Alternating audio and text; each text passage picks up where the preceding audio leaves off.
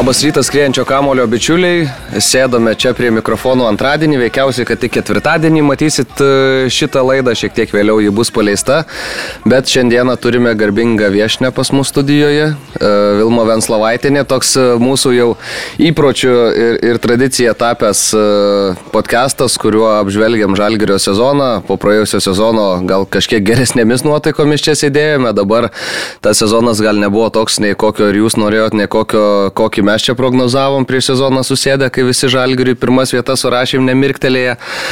Tai va, tai apie viską pasikalbėsim. Aurimas Tamulionis, Marius Bagdonas, aš Mantas Krasnickas taip pat čia su Vilmo Venslovaitinė ir Pradedam, bet gal pradedam nuo to, apie ką kalbėjom šiek tiek dar prieš įrašą. Naujas toks posūkis šiek tiek e, tame futbolo gyvenime, įsijėję organizacijoje, esate išrinkta į vieną iš e, grupių, ar ne? Tai gal galit papasakot, e, kas ten ir su kuo valgoma. Sveiki visi. Mm, iš tiesų teko garbė būti išrinktai, todėl kad iš 430 kandidatų iš 150 klubų buvo atrinkta į svarbiausią komitetą nes jisai projektuoja, diskutuoja futbolo žaidimo strategiją, tai yra formatai, pat, pat, paties žaidimo taisyklės va buvo svarstomos, tvarkaraščiai, kas po to jau eina į kitas grupės, skaičiavimam, analizėm ir, ir užduočių formulavimam, tyrimų atlikimam. Tai iš tikrųjų pamačius klubus, tarp kurių aš ten esu, tai nu, toks Iš tikrųjų pozityvus jausmas. Tai šiek tiek netikėtas rakursas, nes aš sakiau, kad, na, ko gero, žalgeris tai yra tai, ką aš turiu koncentruotis ir, mm, ir ten yra labai daug darbo, nepadarytų darbų, problemų.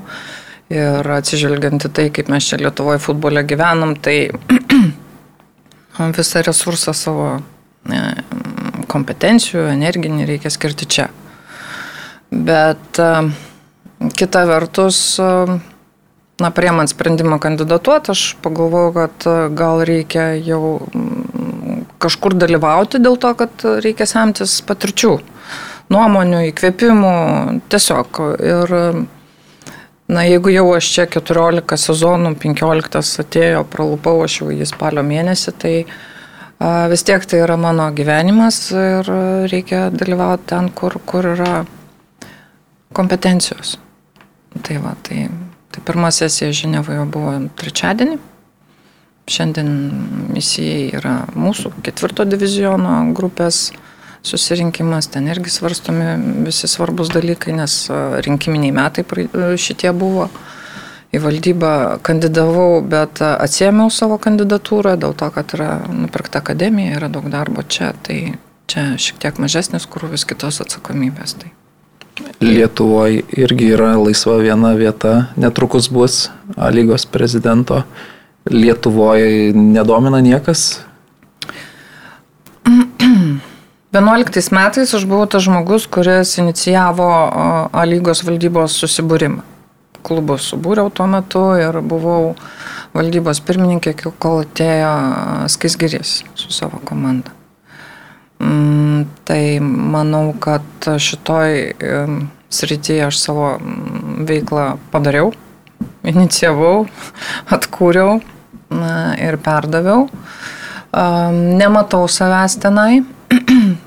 Manau, kad tai yra vieta žmonėm, futbolo žmonėm, kurie nori keisti futbolą, nes atstovauti vienam iš klubų klubus Tai yra aiškus konfliktas. Atsiribot nuo savo klubo reikalų ir, ir spręsti kitus klausimus yra labai sudėtinga, nes ten reikia atstovauti. Atstovauti lygą, o ne save. Ir na, manau, kad galbūt vat, ir su Saulim kalbėjom. Mes kalbėjom su juo po 21 metų sezoną. Sakau, Sauliau, ko, ko tu nori, apie ką tu svajoji, kur tu save matai. Nu, sako, aš noriu pakalbėti apie mano ateitį. Na gerai, sakau, tu nori kuo būti treneriu? Ne, nenoriu. Na, kuo tu svajoji būti? Nu, aš norėčiau būti federacijos prezidentu. Jėgas, sakau. Kurios čia federacijos? Gerai. Ne, Ne, ne, Pradžiai tos pačios. taip. Neplaukimo tikriausiai. ne. Ne, nu, pr- Tai va, tai sakau, tada ne per žalgį. Baigęs karjerą, sakau, mes tau padėsim, bet kitais metais, sakau, aš daugiau negu tikra, kad mes papulsime į grupės. Nežinau, kodėl aš tą pasakiau. O, tai tu esi kapitonas, sakau, gausi visą eterį. Kalbėk.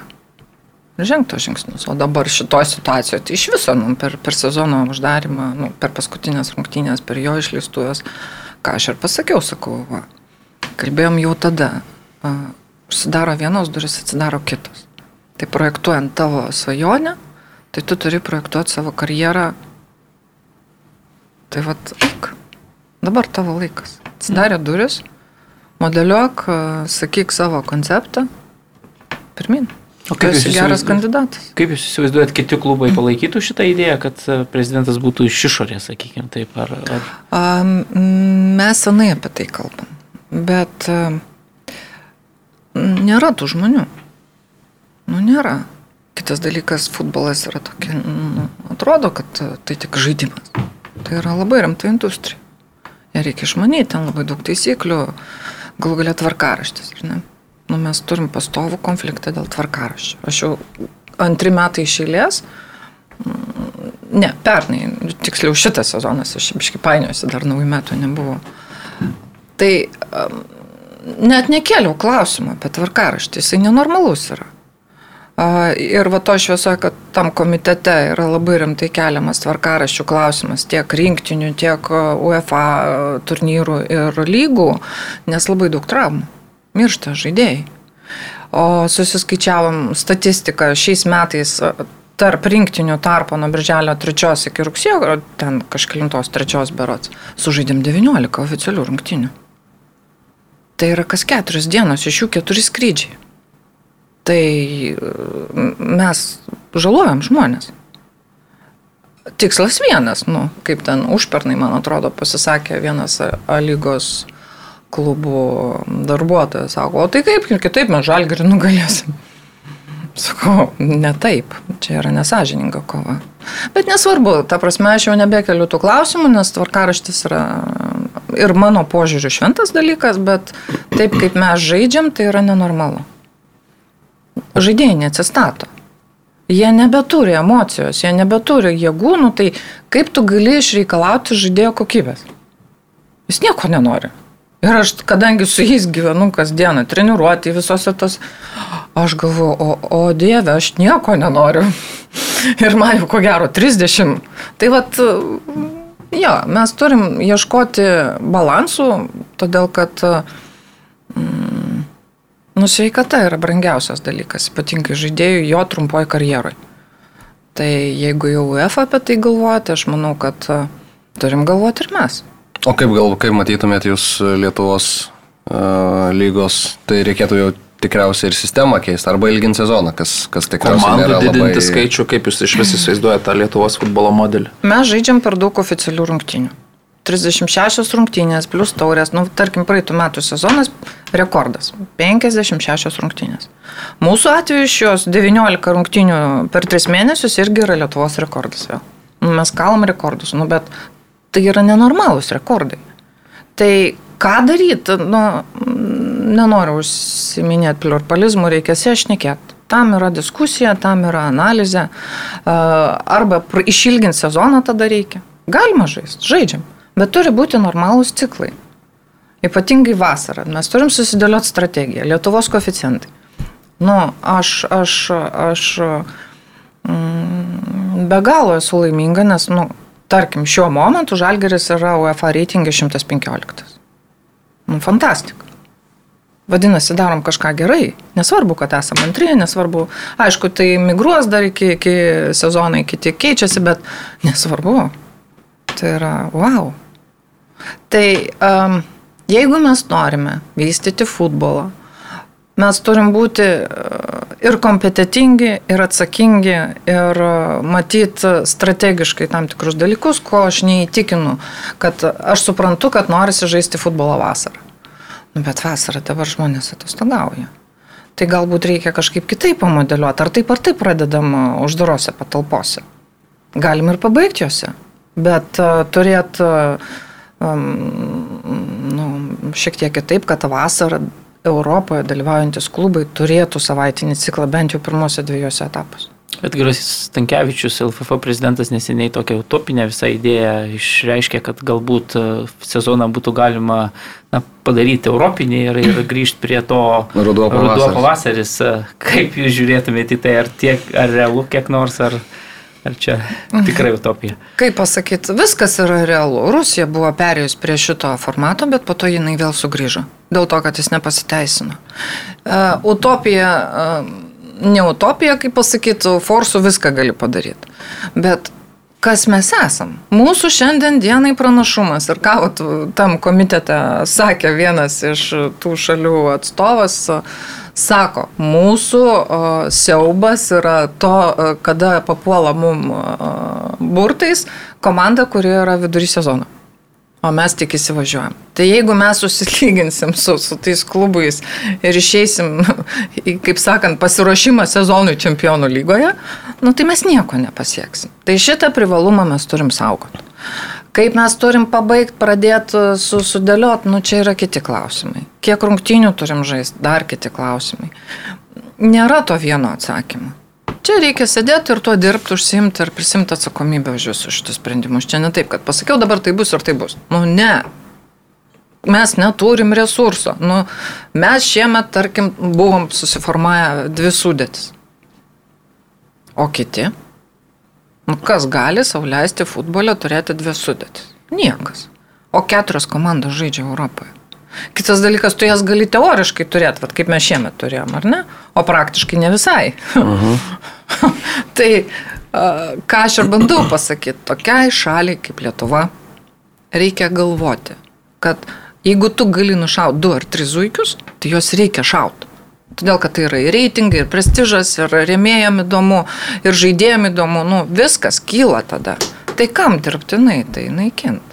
Vat man tai, aš nerandu į tai atsakymų, bet mm, kadangi per daug negalvoju, nes nusivyliau prieš du metus, tai adaptuotis bandome prie to, ką turim, bet nu, normalu, kad tos jėgos tada senka. Kaip bendrai jums atrodo, lygos lygis uh, kyla? Taip, vienareikšmiai. Vienareikšmiai jisai kyla dėl to, kad atsiranda kompetencijų, ryšių galbūt su, su agentais, daug daugiau žmonių įsijungia į tą sritį ir atsiranda pasirinkimo galimybės. Kitas dalykas, na, konkurencija visą laiką yra stimuliuojantis dalykas. Daugiau pinigų atsirado futbole. Savivaldos labiau remia. Nes, nu, supranta, nu, tu gali neturėti nieko, gali turėti kažką ir, ir, ir tai bendruomenė jau atėjo laikas turėti. Nu, tik aišku, dar stadionų reikia. Bet iš kitos pusės rezultatai Europoje, bet jau šiemet visų klubų turbūt tokie, na, buvo nuvilintis, pasakysiu. Stati, nu, nu gerai, prisiminkim, rungtynė su Galatasaraju. Ne, tai aš apie žalgerį nesakau ir varžovus, bet, bet bendrai, na, žalgeriui gerai nepasisekė šiemet, bet jeigu žvelgsim į kitus. Nu, bet palaukit, mums pasisekė, pasižiūrėkime, mūsų reitingas po šitų rungtynių, gal galia visa Lietuva žiūrėjo ir sakė, wow, kaip žaidžia komanda ir kaip gaila, kad nelaimėjom, nes turėjom geresnių progų, teisingai. Turbūt. Nu, tai yra faktai, tai yra statistika. Tai galiu pasakyti taip, kad uh, Treneriais netampama gavus A licenciją. Tai yra pirmas dalykas. Arba pro. Treneris, e, kuris dirba su klubu, vad ką aš girdėjau vienintelį šiemet podcastą, tai e, kai vyko pokytis Kauno Žalgerėje. Ir mano nuomonė, Garasto nereikėjo atleisti. Jam reikėjo duoti pabaigti sezoną.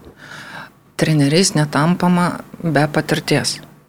Ir kai atsprendžia klausimą, ar priimti trenerį ar ne, Tai vienas dalykas, mes, nu, natūralus dalykas, kad su amžiumi ateina patirtis, išvalgos, padarytos klaidos jau yra aišku, kas, kad ten jau klaida. O taip, nu, tik papuolusi į tą turnyrą, tai paprastai nežaidėjo ampluo, nėra paprasta. Kompetencijos, už tai už jas mokama, jas vertinamos. Nes, kaip sako, už vieną lūptą dešimt nelūptų duoda. Tai turi užaukti tie treneriai. Tai nėra paprastas dalykas. Tai gal natūralus klausimas, ar ne, apie trenerių Vilniuje, e, kokia jo ateitis ir... E, jo ateitis yra labai paprasta. Tai yra geriausias Lietuvos treneris per 7 ar 8 metus per 3 klubus turės geriausią rezultatą. Šiandien dienai iki praeitų metų Urbanas buvo geriausias, nes turėjo 5 čempionų titulus. Šiandien dienai čia Būrinas yra geriausias. Jis turi 5 čempionų titulus, nuseklų gerą rezultatą. Pakruoj, atsimenat pakruoj. Tikėjot, kad jie bus antri? Aš ne. tai va, tai a, suduva. A, jie buvo stipresni tuo metu ir mes tą pripažinom. Um, keturi geriausio trenerio titulai ir konferencijų lygos grupės, nu, niekas to neturi. Tai yra jo nuseklus darbas. Bet kalbant tada apie šį sezoną. O grįžtant aha. prie trenerio pasirinkimo, tai jisai... Uh, dalininkų susirinkime praeitais metais aš iškėliau tą klausimą. Sakau, žiūrėkit. Jeigu man būtų 35, kai aš čia atvažiavau Vilnių nugalėti savęs ir padaryti, atiduoti duoklę Lietuvai, parodant, kad gali Lietuvoje futbolas būti, naudojant tas kompetencijas, kurias mes įgyjom tenai, dirbant pas Romanovo struktūroje. Tai sakau, aš vis tiek jau esu per sena ieškoti iš naujo trenerių. Mes jį turim. Čia yra jūsų apsisprendimas. Tai mano pasakymas buvo toks, kol čia būrinas čia dirbs, dirbsiu aš. Nes po praeitų metų uždaryti visi klausimai, iš praeities, minusai visi sutvarkyti, dabar jau galim žengti priekį. Tai sakau, skirkite atsakingus asmenys, dėrėkitės ir priminėkite sprendimus. Aš čia įvykdysiu tai, ką priims dalininkai. Tai su juo pratesta sutartis. Ir ačiū Dievui, nes dabar jisai turi pasiūlymą už pusę milijono išvažiuoti. tai va, ir jisai yra klube. Tai jo sutartis dar galioja ateinantį sezoną. Taip, jinai buvo persirašyta šį pavasarį. Ja. Sakėt, kad dirbsit žalgerį, kol dirbs Čiabūrinas, o tai kas bus, kai Čiabūrinas kažkada išvyks? Aš eisiu pensiją. Nežinau iš tikrųjų, ką aš veiksiu, bet um, tokia emocija, nu, atkartoju tą, ką tuo metu sakiau. Suras trenerį yra labai sudėtinga. Aš jau labai daug mačius. Ir Harcos, ir Antas Ripo, ir Kauno BK, ir... Um, kai tu jį surandi, tai nieko keisti nereikia. Tiesiog, jis turi dirbti. Čia yra labai svarbus momentai. Arba tu jo pasitikė, arba ne. Jeigu ne, reikia keisti trenerį. Tai padirbus su baga, padirbus su, su, su, su kitais treneriais. Aš labai džiaugiuosi, kad jis čia yra. Tai va, nes surasti trenerį yra be galo sunku. Bet e, kalbant šiaip su nemažai žalgyrio žaidėjų teko bendrauti ir ypač šį sezoną, gal aišku, rezultatai irgi tam turi įtakos, bet e, pasitikėjimo treneriu nu, labai nėra justi iš komandos vidaus. Ar jum irgi taip atrodo ir jeigu taip, tai kodėl taip yra būtent šitam sezone? Um, kalbėjau su Petaru. Sako, mm, nu gerai, ne apie tai Tai yra mano klaida. Šie metai yra mano klaida. Aš turėjau tokį sezoną 17 metais. Mm. Ir aš paklausiau trenerio. Jisai visus tos žaidėjus labai gerbė. Mm, jis labai jų norėjo, futbolinė prasme nu, normalu. Ten visi jūs mane būtumėt sudraskę į skutus ir gabaliukus, jeigu aš sakyčiau, visi out nauji bus, nieks būtų manęs nesupratę. Taip pasakė vienas futbolo žmogus. Uh, O mano požiūris ir buvo, sakau, treneri, mes turim daryti pokytį komandoje, nes mes net kartosim tų pačių metų. Pamatysit, su tais pačiais žmonėmis to paties nepadarysim, sakė, aš padarysiu. O kad buvo didelė konkurencija. Visą laiką konkurencija įneša tą nepasitenkinimą. Kodėl aš nežaidžiu? Aš nežaidžiu, aš nežaidžiu. Nu, kodėl tu nežaidži? Treniruotė, pasižiūrėk, ką tu darai, ką tu veiki. Ten vyko kiti procesai, mes juos puikiai žinom. E, mm, meluot negaliu. O papasako tai, kas ten vyko, nu, ne, nereikia. O k- apie ką bent jau kalba čia sukasi, ką, ką, kaip suprasti procesai? Ehm, Matot, yra toks dalykas. e, Po pergalingų sezonų um, tu už, nori užsibūti tenai. Nes ten buvo gera, ten buvo gera emocija, ten buvo pasaka. Nu, mes visi tai vadinam pasaka. Ir kai tu po to emocijų ištaškymo ir nuovargio fizinio 56 rungtynės, skrydžių šitiek, tu grįžti vėl į tą patį, o norisi ten būti. Tai negrįžti kūno ir sielą. Tai vienas dalykas, o mm, kai tu jau tapai žvaigždė, ir čia yra mano problema, nes nu, aš juos vadinau žvaigždėm, legendom, jie tokie ir yra. Mm. Tada jau atrodo, kad tu esi legenda. Ir tau nieko daryti nereikia. Arba mažiau daryti reikia. O niekas nepasikeitė, reikia daug, daugiau daryti, nes tai pakartot, kas buvo pernai, yra dvigubai sunkiau. Tai kitas dalykas - traumos. Nu, tiesiog kažkoks marazmas. Kitas dalykas - komplektuojant komandą. E, Komandą komplektuoju aš jau nuo 20 metų kartu su treneriu. 20 metais, kadangi net ir trenerio neturėjom, tai buvo dar ir Mindaugas Jungės, ir Zurabas buvo. Mm, O toliau dabar komplektuoju aš su treneriu.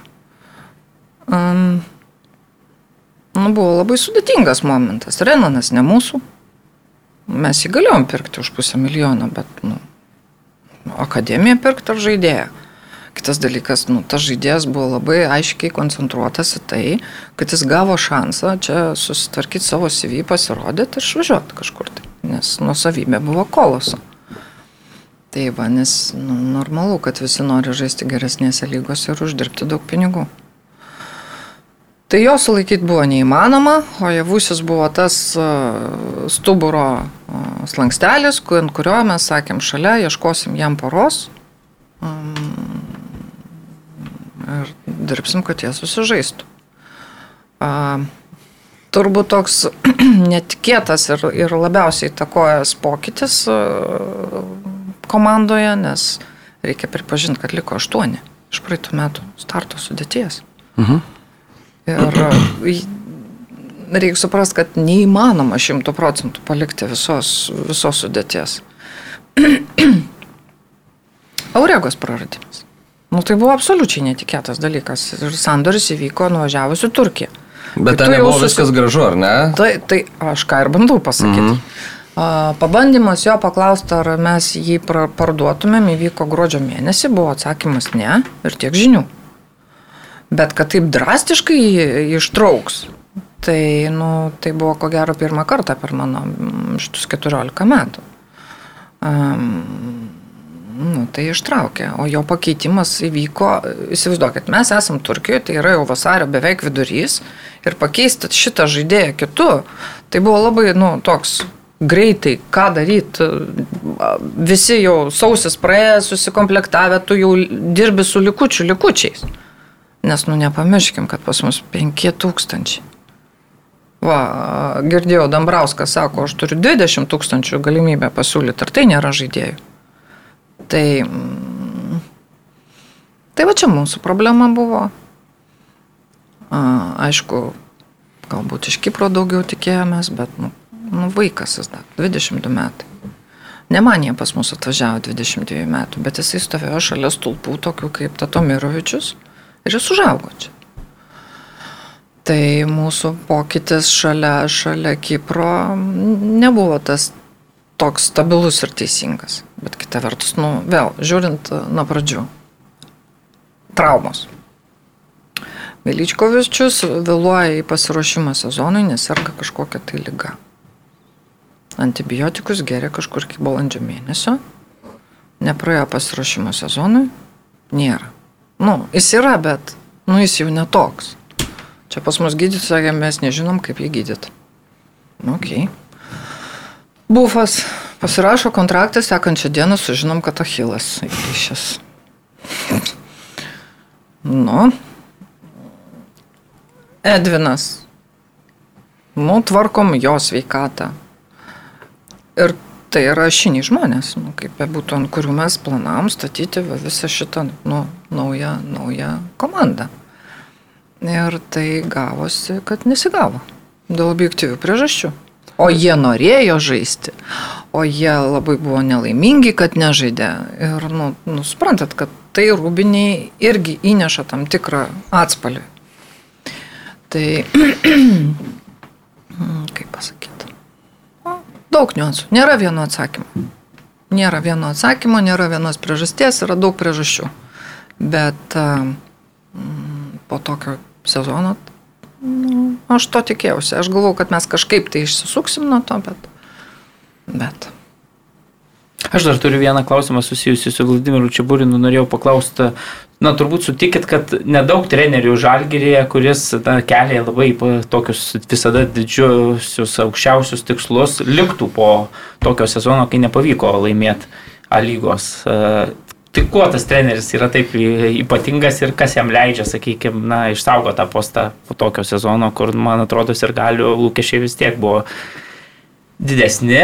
Ir kitas dalykas, istorija rodo, kad visada, na, būdavo keičiamas treneris tokio nesėkmių, a, tokiais nesėkmių atvejais. Kur keičiamas žalgerį? Taip. Ne. Žalgerį buvo keičiamas treneris dėl to, kad jiem trūko kompetencijų o ne dėl to, kad jis neturi rezultatų. O valdo Dambrausko atveju, pavyzdžiui. Ten kita istorija, apie tai net nenoriu kalbėti. Gerai, tada kitaip paklausiu. Kuluaruose futbolo pastaraisiais mėnesiais ypatingai daug tokių visokių gandų susijusių žalgerio klubu ir vienas iš jų yra tai, kad, na, Jūs asmeniškai su Vladimiru sieja ne tik tai darbas futbolo aikštėje, bet na, kažkoks ir asmeninis santykis, ar kiek realios tos kalbos ir kiek tai susiję. Vienoje po, po, vienoje po kesnė neteko girdėti, kad, kaip ten įsireiškė Eurimas, kad vos ne galbūt esate vyras ir žmona, turbūt girdėjote. Tai norėjau tai paklausti, kiek, kiek gandai tie yra pagristi. Aš irgi tai girdėjau, manęs paklausė, sako, tu ką ištekėjai už jo? ok, sakau, ne dar, kai ištekėsiu pranešiu. Um, Galima į šitą dalyką reaguoti dvigubai. Aš galiu pasakyti, kad tai niekieno nereikalas, mano asmeninis gyvenimas neparduodamas ir čia aš galiu daryti, ką noriu aš ko gero negalėčiau gyventi su vyru buhalteriu pagal įstatymus. Ai, nu, okay. jo, čia yra įstatymas. o šiaip tai... Um, Aš suprantu. Gal, gal profesija. aš suprantu, kad galbūt galėtų papasakoti, kas yra tas darbas štabe, asistentai. Tai kai tu eini po darbo miegot antrą, trečią valandą, dėl to, kad tu darai analizės, tu, tu peržiūri, tu projektuoji sekančios dienos treniruočio procesą ir visa kita. Tai reikia nepamiršti dar tokį niuansą, kad pirmus du metus dar aš ir buvau vos ne kiekvienoje, nes aš vertėjavau pradžioj, kol man tas pradėjo verst. Tai o kitas dalykas, tai aš dalyvauju sporto direktoriaus rolėje. Mes turim viską aptart, diskutuoti. Jis ateina su treniruočio planu. Aš žinau, ką jis darys, todėl kad vyksta vertimas. Yra daug žaidėjų kur, jaunų, kuriem reikia paaiškinti. Tai uh, normalu, kad atsiranda tas bendravimas. Ir kad tas bendravimas nėra, uh, kaip pasakyti, kada kam čia pasirodo. O kita vertus, tai Nu, niekieno tai nereikalas. Aš dabar čia aiškinsiu, kas čia yra, tai sakys, va, jinai aiškinasi dėl to, kad taip ir yra. O kaip pasakyti, moters rolė vyrų pasaulyje iš principo jinai yra tokia. Ką jinai čia veikia? Kada jinai išeišiais? Nu, praėjusią sezoną netai buvo. Nu, žiūrėkit, nuo meilės iki neapykantos yra vienas žingsnis. Futbolas yra tik emocija. Ir visi myli sėkmingus, nes nu, norisi būti sėkmingu. O kaip tai yra padaroma, niekas nesupranta. Tai yra nu, didžiulis darbas. Tai ir mūsų klausimai šiemet e, kitokie negu pernai buvo. Tai normalu. Mes gyvenam ir adaptuojame situacijai, ta prasme. Tai, čia. tai keliaujam gal. Prie sezono paties, ar ne? Minėjot, kad siūlėt galbūt treneriui keisti nemažą dalį, gal bent jau didesnę dalį žaidėjų negu buvo Taip. pakeista. Pradėjot važiuoti, važiavo tas traukinys ir Dariau interviu su Edvinu Gertmanu dabar rinktinės stovyklos metu ir jo klausiau irgi to paties klausimo. Kada jum užgimė pirma idėja, kad viskas gali būti kitaip, negu buvo prognozuojama ir negu buvo norima šitam sezone? Kad tas lygos titulas gali būti neužrašytas žvaigždėse, kaip visiems atrodė, kad gali ir išsprūsti iš rankų. Kada buvo tas momentas, kai jum pačiai jau pasirodė, kad bus reikalų? Šiauliai. Rungtinė šiauliuose. Kai buvo atimti aštunti taškai, iš mūsų, tai mes supratom, kad e, tai yra bėda. Teisėjų klaidos įtakojo, kad yra atimti aštuoni taškai, dabar daromas tyrimas su EFA bendradarbiaujant, viskas tvarkoj. Mano tikslas to tyrimo, kad žmonės lemiantis kitų likimus nulemtų ir savo, nes jie dabar, nu, paradoksas. Jie tenai teisėjauja gerai, kotiruojasi gerai, o čia daro, nu, nu, nu, nu net nežinau kaip įvardinti. Atidarė 90-us, kaip Leonas Minskus sakė, sako, 90-ais tai buvo. Sakau, nebuvau tada, bet tai, ką matau, aš nebesuvokiu, kas vyksta teisėjų galvose. Dabar labai aiškus epizodas su, su Kendyšo sunaikinimu. Ataskaitą gaunam, nu, vertina teisėją, pirma kortelė, vertinant jo kompetencijas ir, ir tokį lygį, kuriam jisai teisėjauja Europoje, tai buvo nu, ne, neleistina klaida parodyti pirmą kortelę. Taip, pirmos su... kortelės parodimas e, vertinamas labai blogai tokio lygio teisėjai. Tai ką tai reiškia? E, pirma kortelė sukūrė visą sniego gniuštės principą. Antra kortelė raudona, viskas, ant jo jau padidinamasis stiklas, praleidžia šitiek rungtynių. O ką gali žinot? Ta prasme, įjungiant samokslo teoriją, o ką gali žinot. Nenoriu aš jomis vadovautis, bet e, tai atrodo neskaniai. E, visas šių metų sezonas. Hegelmanai. Nu. Jie turėtų būti treti, nes atimtos, e, tarkim, aš jau neskaitau paskutinių tų rungtinių sezonų, nes ten jau buvo lūžis ir nebeįdomu, niekam ten buvo jau viskas. Bet iki to šių, tų šiaulių rungtinių, At, atimkite iš šiaulių, kiek su mumis. Nu, Trys taškai su jumis. Ne, ne trys. Taškai, du. Mm, keturi.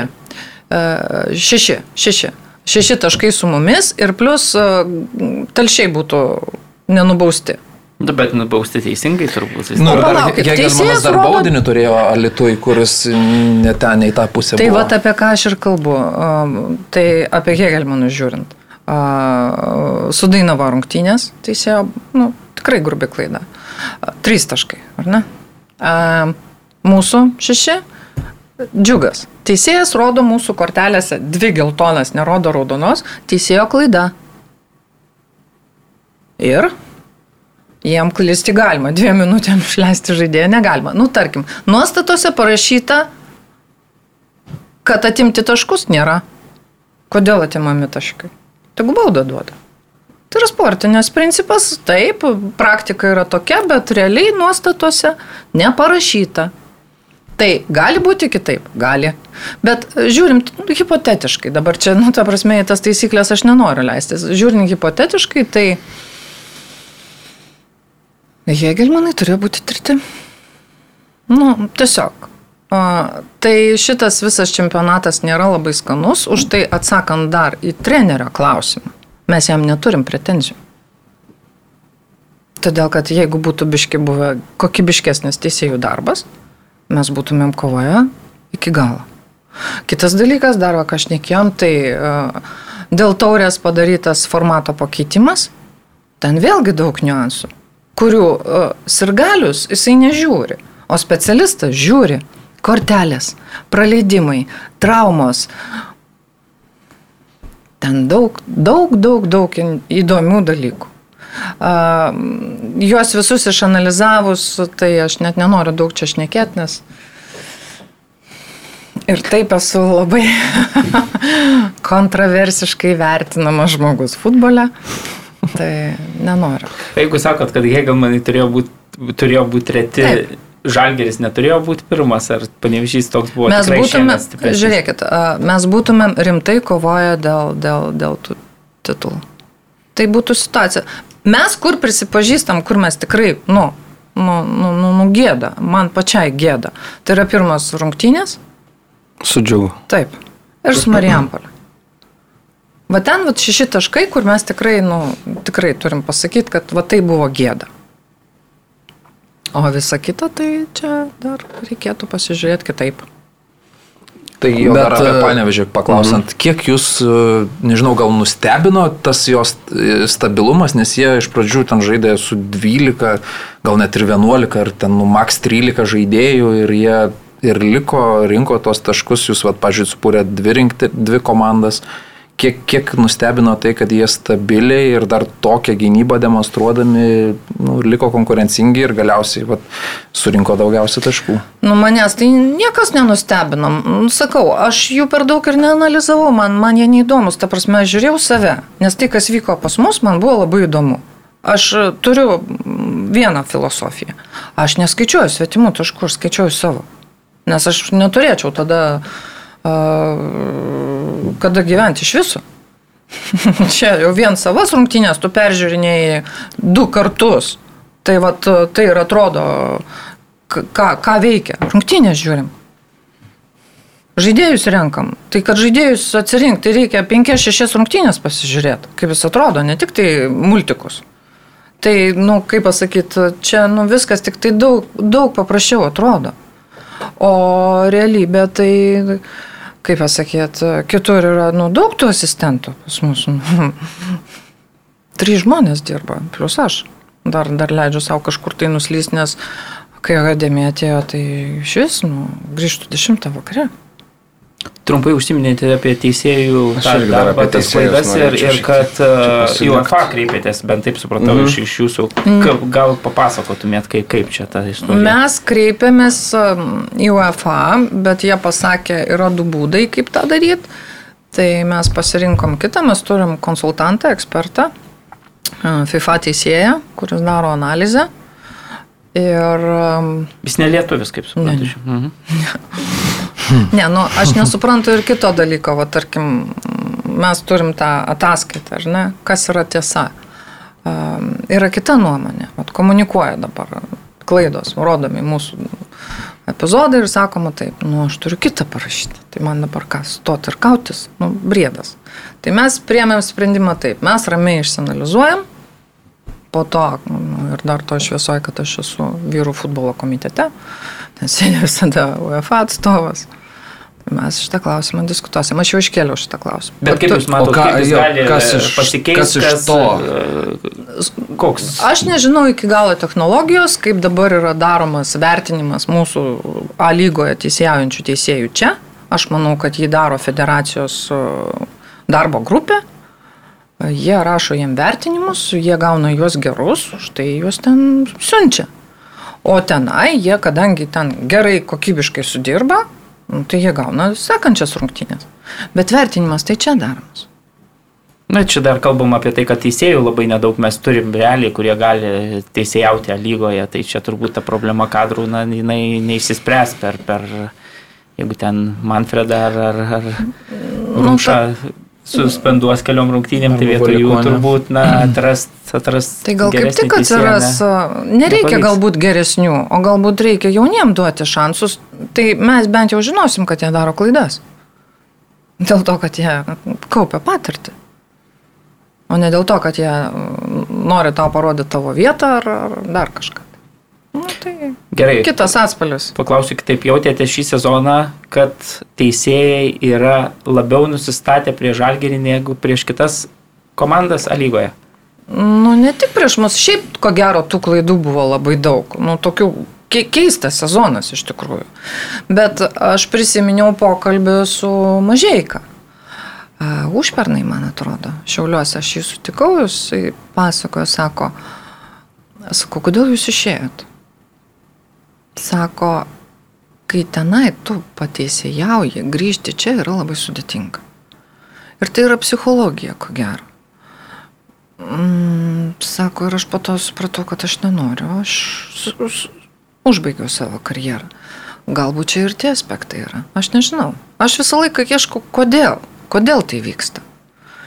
Nes, nu, tos klaidos, nu, kol jos klaidos, jos klaidos, bet kai tampa tendencija, Ir tose šiaulių rungtynėse aš nusileidau į apačią ir pasakiau treneriui, dabar jau kalbėkite. Užtenka, sakau, mes čia turim politiką tylėti ir nekomentuoti. Tai po šių metų mes po kiekvienų rungtynių darysim, karpysim, turėsim mažiausiai tris kameras ir dėsim viską į eterį ir siūsim UEFai. Tai va, kodėl Vladimiras, nes mes irgi tada apkalbėjom ir stebėjomės, kad jau pagaliau rėžė žodį, nes nesileido. Taip, taip, aš leidau. Aš, aš nustraksėjau tą vieną koją iš tribūnos, sakau, viskas jau kalbėkit, nes sakau, tai, tai taps nevaldoma, tai atsisuks prieš jūs, nors tai ne jūsų rezultatas ir prieš klubą. Ta prasme, aš nesikratau atsakomybės, nėra vienos priežasties, bet tai, kas vyksta čia, tai jau yra nebenormalu. Nes Valikonis su šiauliais teisėjaujant du kartus atėmė iš mūsų keturis taškus. O Evus įsimušė švarų įvartį mūsų namų rungtynės Jisai rodo jam geltoną kortelę ir, ir atšaukė įvartį. Tai čia buvo vienas bairis. Tenai kitas. Tai aš už tai ir ėjau, beldžiausi, sakau, aš norėčiau pasižiūrėti jum į akis. Tiem, nu, ten kažkas išėjo, sakau, norėčiau tiem žmonėm į akis pasižiūrėti, kas čia vyksta, paklausti. Čia kas vyksta? Buvo sakoma vienoje iš tinklalaidžių, kad ėjot e, spardėt duris šiauliuose, tai mhm. kiek spardėt jas? aš pasibeldžiau, spirt aš negalėjau, nes aš būčiau nukritus. Suprantat, kodėl. Mhm. Tai va, tai jo, čia nėra vienos priežasties, už tai dar vienas atsakymas dėl trenerių. Mes nematom vien tik jo problemos. O kaip pasakyti, kodėl toksai dalykas, tai surast patikimą trenerių. Ai, dar vad pasakysiu. Antraštės mane sudomino. Neradęs vietos laterijai žalgirį. Jo lūkesčiai buvo 17,5 tūkstančio. Mhm. Nu, tai kaip iš čia gali ją rasti? tai kai tris metus pabuvo be darbo, tai surado vietą panevežį. Tai normalu, suprantat, kiekvienas taimingas turi savo niuansus ir atspalvius ir e, vertint pagal kažką tai tu negali, nes yra daug o bet tačiau ir daug argumentų ir daug faktų ir faktorių. Tai um, galbūt dėl to aš ir esu tokia labai nemėgiama, nes aš visą laiką vadovaujuosi faktais, faktoriais ir nu, tam tikra analizė arba statistika. O jūsų skaičiavimu jau įtariu, kad ta analizė kažkiek yra pasistumėjus. Kiek jums atrodo, kad taškų nukosėjo teisėjai žalgyro šitą sezoną? Aštuonis. Iš viso aštuonis. Mhm. Sezono gale 12 taškų skirtumas lygiai. ne, ne, bet tai ten pabaigoje jau ten buvo. Jau ten buvo visiškai vienodai. Supraskite, po to, kai, kai, kai, kai šiauliuose vyko tas lūžis, kai žaidėjai nebetikėjo, jau ten, ten Nu, jie sako, tai ką, ką jūs darot, ką jūs padėjote, nu, ką, ką darom? Čia nebesuvokiama, čia ne futbolas. Ten ir patys žaidėjo pas tos teisėjus, ten, ten, ten tas, kas, kas vyko tenai tam stadione, nu, tai istorija nutyli, bet, bet esmė tame, kad nu, tai nebuvo futbolas. Bet klaidos klaidomis, man taip susidaro toks įspūdis, jums netrodo, kad e, ieškot to priešo taip iš išorės, na, kai tokį tai nuo to pradėjau. Pralaimėta... Padarėm klaidas. Nuo to pradėjau. Nuo savęs. Nuo savęs pradėjau. Dėl to, kad komplektacija buvo per daug euforizuota. Nu, ta prasme, reikia priminti, kad pusė tų žaidėjų buvo be kontraktų.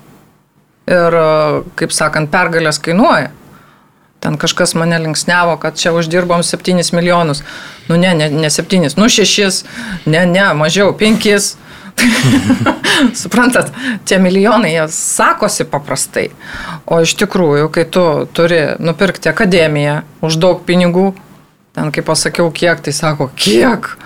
Nu, Kiek, kiek. Tai taps vieša, nes nu, mes dedam finansinių ataskaitų rinkinį, viską jūs pamatysit, bet šiaip iš principo tai atrodo, kad viskas paprasta. Vien kelionės Europos turnyruose jos kainuoja, čarteriai. Mes neskraidėm su, su, su paprastais, nes nu, vertinam savo žaidėjus, matom, kiek jie turi žaisti.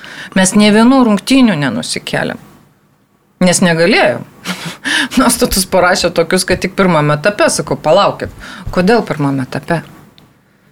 Man, man iš principo nereikėjo pirmame etape nusikelt, nes mes tvarkaraštį tai pasidarėme. Su džiugu važiavom, mm, sula, iš rinktinės grįžtančių žaidėjus pasėmėm iš lėktuvo, susodinom į autobusą ir vežėm į telšius dieną prieš rungtynės.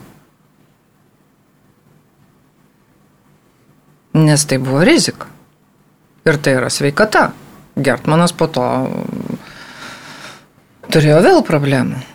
Bet, nu, toks tvarkaraštis mes jį gerbėm. Kitas dalykas, nu, po šį dieną aš laukiu atsiprašymą iš Panevežio klubo už, už trenerio pasisakymus. Man buvo, aš e, dariau tekstą apie Džino Letierį ir man buvo paaiškinta, kad, tas, kad federacija Žalgeris žudo Panevežį, tai buvo tiesiog iš jo negebėjimo iki galo tinkamai komunikuoti anglų kalba ir jeigu jis būtų na, šiek tiek labiau įvaldęs šitą, šitą kalbą, tai jis būtų parinkęs kitą žodį ir paskui jis labai nepatenkintas buvo visų tuo žiotažu, kuris buvo kilęs būtent dėl to parinktojo. Tada nei kalbėt. Nemoki kalbėti, nei kalbėti, o už savo žodžius pasakytus tą prasme, kurie pasakė, tai turėtų atsisakyti, turėtų atsiprašyti klubas. Ko, ką mes čia laužom, ką mes čia darom? Mes vadovaujamės tvarkaraščiu, kurį patvirtino jie, nes aš visais metais keliu prieš tvarkaraštį ranką. Aš už jį nebalsuoju. Kad ir koks? Niekada ne, nebuvo varianto, kad tiktų. Tai, o po to, kaip pasakyti, šiemet a, a, aš iš tikrųjų sakiau gerai. Nieko, ne vienos pastabos neturiu. Sakiau gerai. Bet tik dėl to, kad, e, Todėl, dėl to, kad, kad tikrai tiko, ar dėl to, kad žinau, kad niekas nieko nepakeisi. Mm. Aš bandžiau du metus e, apie tai kalbėti ir sakiau, žiūrim, kaip bus geriau futbolui. Nu, tie keturi klubai, kurie ten yra, e, jūs turit kelti savo tikslą nueiti toliau. Čia yra, nu, duotybė, būtinybė, nes tada, nu, tai ką jūs čia veikia? Tai dėl ko jūs kaunatės, dėl tų keturių vietų? Tam, kad Europoje uždirbti pinigus, pasirodyti, nueiti kažkur toliau. Čia yra tikslas.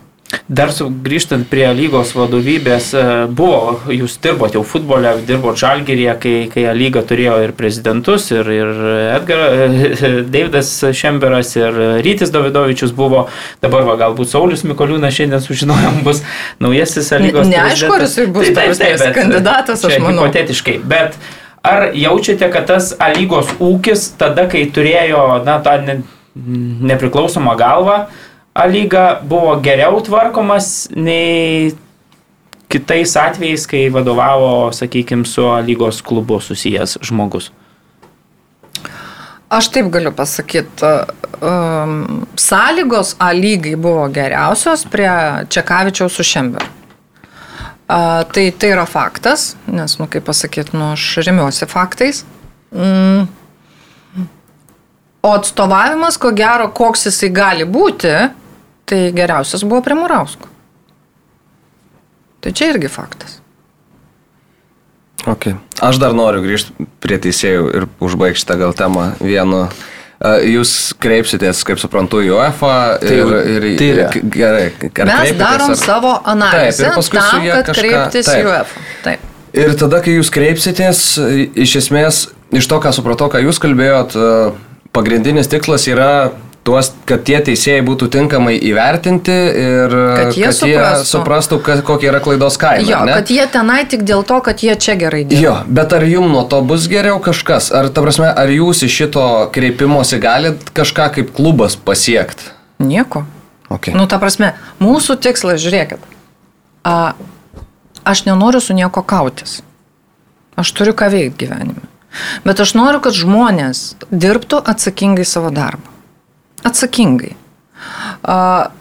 Jeigu jie supranta, kad jie tenai tik dėl to, kad čia gerai dirba, tai jie turi čia gerai dirbti.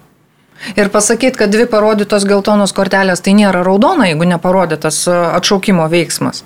Ir čia yra žmogiška e, teisėjo klaida. Bet čia gal nekompetencija, sakykime. Palaukit, nu, ten teisėjavo kas? o, Rumšas? Na, tai kaip čia, žmogiška klaida, nu, nekompetencija. Du kartus turbūt, ne. rungtynėse pas mus?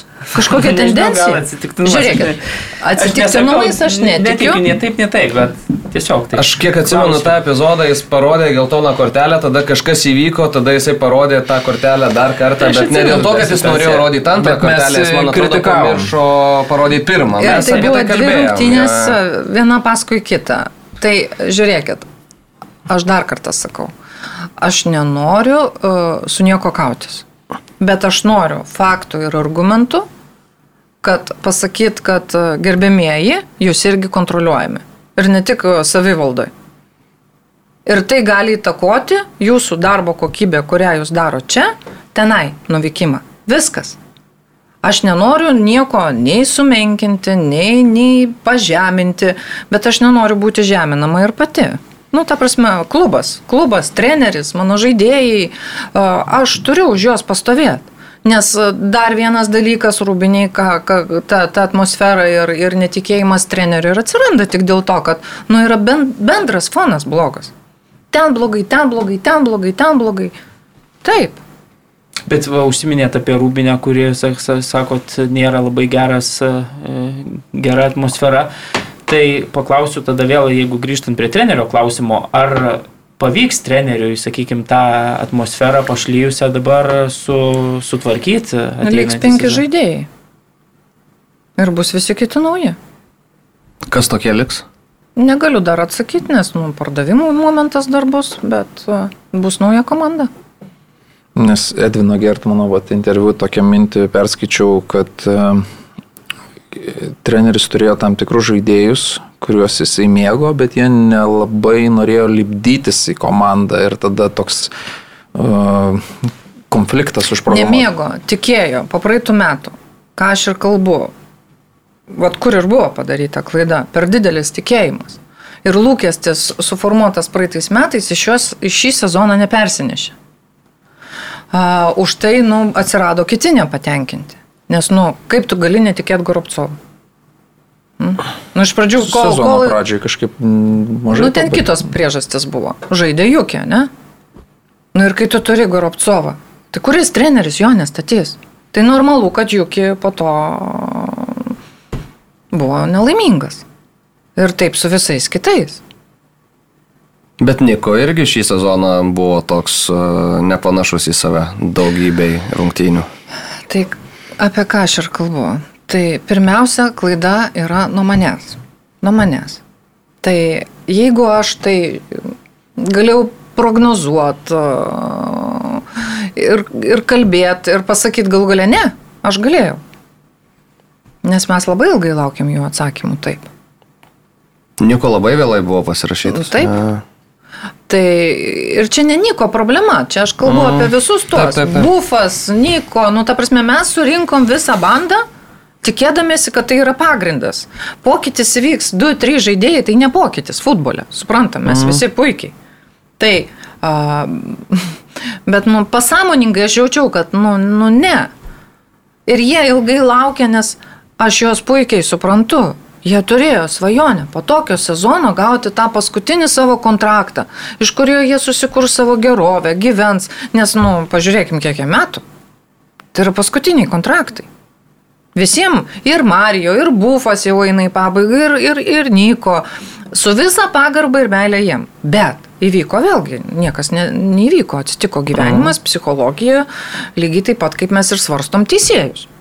Viskas gerai, aš nei e, pykstu ant jų, aš pykstu ant savęs. Kad aš nepadariau anksčiau šito sustabdymo, kad jie pas, pasileido visiškai. Jos reikėjo stabdyti iš karto. A, Ta prasme, kalbantis, aiškinantis, keliant problemas, nu, bet tiesiog, kadangi ta, tu gyveni 14 metų vienaip, nu, sunku tą pokytį ten padaryti.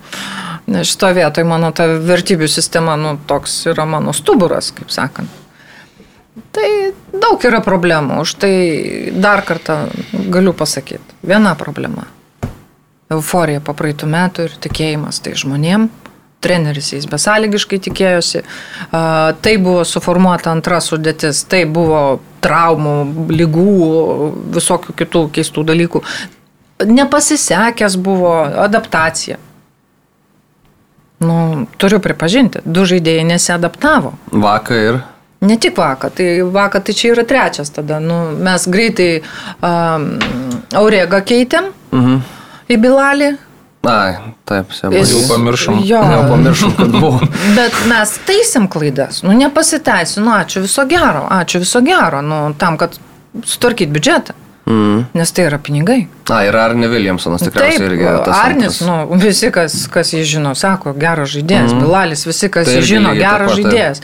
Mes su Bilaliu, ką praleidom, tai padarė jam um, sveikatos tyrimus. Per vėlai suleidom hialuroną. Va, kur mūsų klaida. Jisai kentė skausmus. Mm. Skauda, skauda, skauda, skauda. Nu, danga. Vėl jisai turi klubą ir toliau žaidžia, bet a, tai nebuvo pokytis tas, kuris būtų adekvatus a, Oregai. Nu, Jo. Kitas dalykas, prisiminkim praeitus metus, kada visa ta komanda užžaidė, birželio mėnesį. Mhm.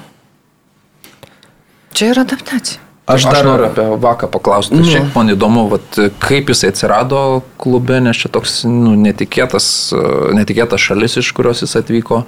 Ir ar jūs patys, ar Žalgeris, pažiūrėjau, ieško žaidėjų ten, ar čia agentai pasiūlė šiaip. Tai žinoma, kad yra tinklas agentų pasiūlų ir, ir, ir agentai jų siūlo normalu. Ir jūs nusprendėte surizikuoti su tokiu žaidėju, kuris nu, pirmą kartą atvyksta į Europą. Mm, Taip, dėl to, kad e, buvo vertinami tam tikri kriterijai. Vienas dalykas, e, tai jo statistika, tai yra rinktinė žaidėjas e, ir nu, treneris jo norėjo. Bet kalba, man šitas momentas labai, nes jisai net, net negalėjo su nieko čia susišnekėti iš esmės. Tai va šitą dalyką irgi turiu omeny, kaip kitą kartą aš pasitikrinsiu. Aš kalbėsiu su žaidėju tiesiogiai.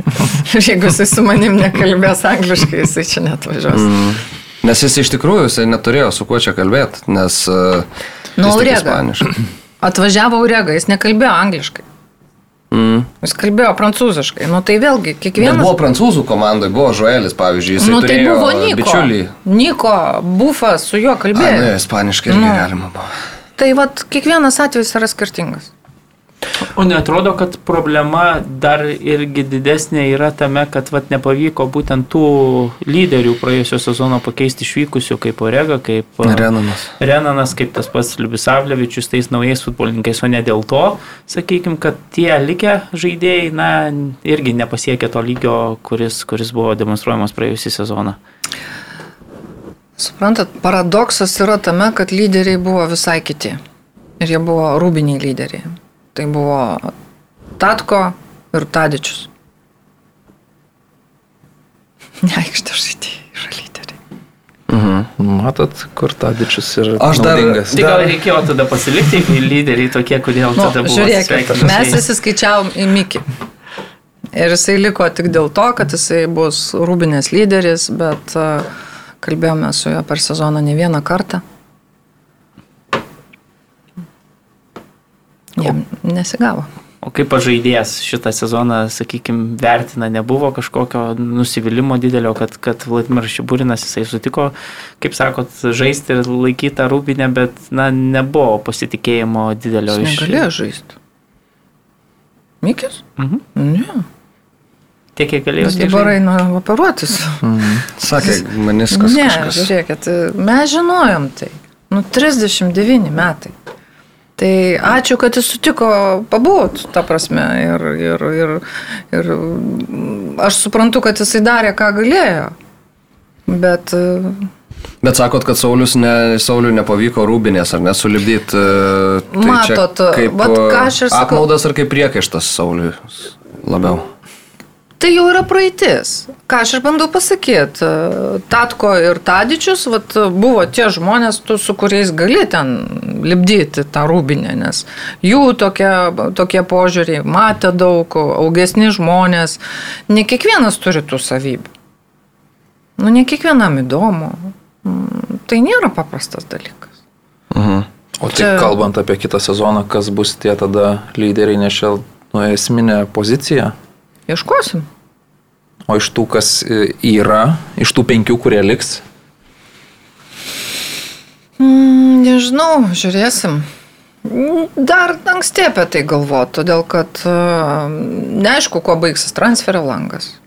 Tas pats Edvinas yra kandidatas išvažiuoti, mes apie tai su juo kalbėjom prieš pasirašant kontraktą ir iš sezono eigoje kalbėjom. Buvau įsiveržęs į jūsų darbo pokalbį restorane tada.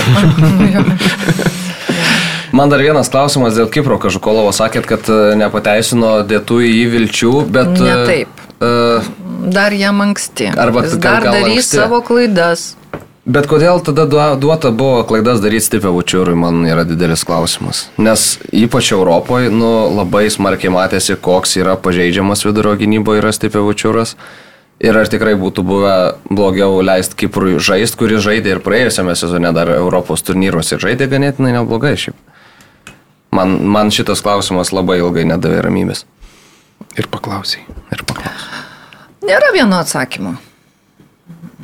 Viskas prasideda treniruotėse, vienas dalykas. Kitas dalykas - peržiūrose, kada treneris sako, toks yra treniruotės planas, to, taip žaidžia mūsų oponentas. Ir kai tu renkėsi tarp Kipro ir Vučiūro, renkėsi patirtį. Nu, jūs teisingai sakot, šių metų mūsų, mes nepakeitėm uh, centro gynėjų. Gavo traumą Gnydas pradžioje tada su Panevežiu rungtynėse, jis irgi ilgai nebuvo, jis irgi iškrito iš to varžybinio ritmo ir mes nesuradom centro gynėjų poros. Mes bandėm grįžti prie Marijo, bet jisai sako, be nemanijos aš negaliu būti centro gynėjų, nes aš nesu centro gynėjas. Mūsų pora, jų tandemas susidirbo. O šiemet mes neradom tos poros. Ir tai nieko nukreipta prieš prieš Kiprą nėra, ta prasme, tiesiog jisai eina savo, į savo brandos etapus. Jis daro savo klaidas, kas yra normalu, bet kai tau yra atsakomybė, ar ne, rinktis, tai kiekvienas treneris, siekdamas rezultato, nu, vertina juos, jis mato juos treniruotėse, nu, ir jisai deda, deda mm, daugiau vilčių ant to žaidėjo, kuris yra nu, senas vilkas. Kalbant dar apie Kiprą, šiek tiek man irgi buvo tekę girdėti tokių gandų, kad e, galbūt Kipras labiau sėdi dėl to, kad e, kažkas įvyko treniruotėse, ar kažkas įvyko kabinetuose, kažkokie konfliktai ar panašus dalykai. Tai... Nieko nežinau. Ne? Gerai. Ar žaidėjams iškomunikuojama ta aiški žinia, kodėl jisai, sakykime, nežaidžia ten, aš va to norėjau paklausti, gal ar tas pats Kipras ten, nežinau, ar Gertmanas tuo atveju, kai ta, toje atkarpoje nežaidė, ar jisai... Sezono pabaigoje čia. Jo, mhm. ar jis aiškiai žino žaidėjas, kodėl jisai nežaidžia, nežinau, čia gal turbūt treneriui gal labiau reikėtų klausti, bet, bet gal ir jūs žinosit atsakymą. Na žiūrėkit, dėl Gertmano. Gertmanas nusiema Europos turnyruose po 10 minučių iš rungtinių, pačių svarbiausių. Ne? Nugara, susuktas nugara. Nu, tai sveikata žmogui blogai. Už tai duodama jam ilsėtis tam, kadangi sezono pradžia, atsimenat, jo irgi nebuvo.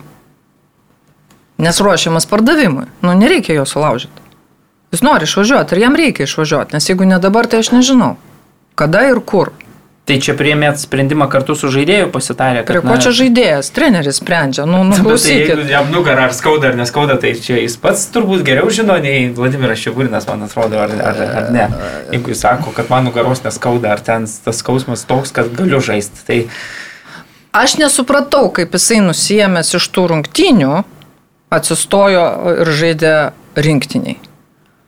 Nes jeigu žaidėja jau išneša ir, ir, ir, ir neša, nu, tai ta prasme, tai jam yra blogai. Arba jis meluoja. Nenoriu tikėti, kad jis meluoja, o jeigu jam yra blogai, tai jisai turi turėti laiko atsistatyti. O kai ateina laikas ir jo vietą užima kažkas kitas, tai nu, tu negali sulaužyti kitų žaidėjų, nes nu, yra tam tikros futbolo taisyklės. Bet gal principai labiau?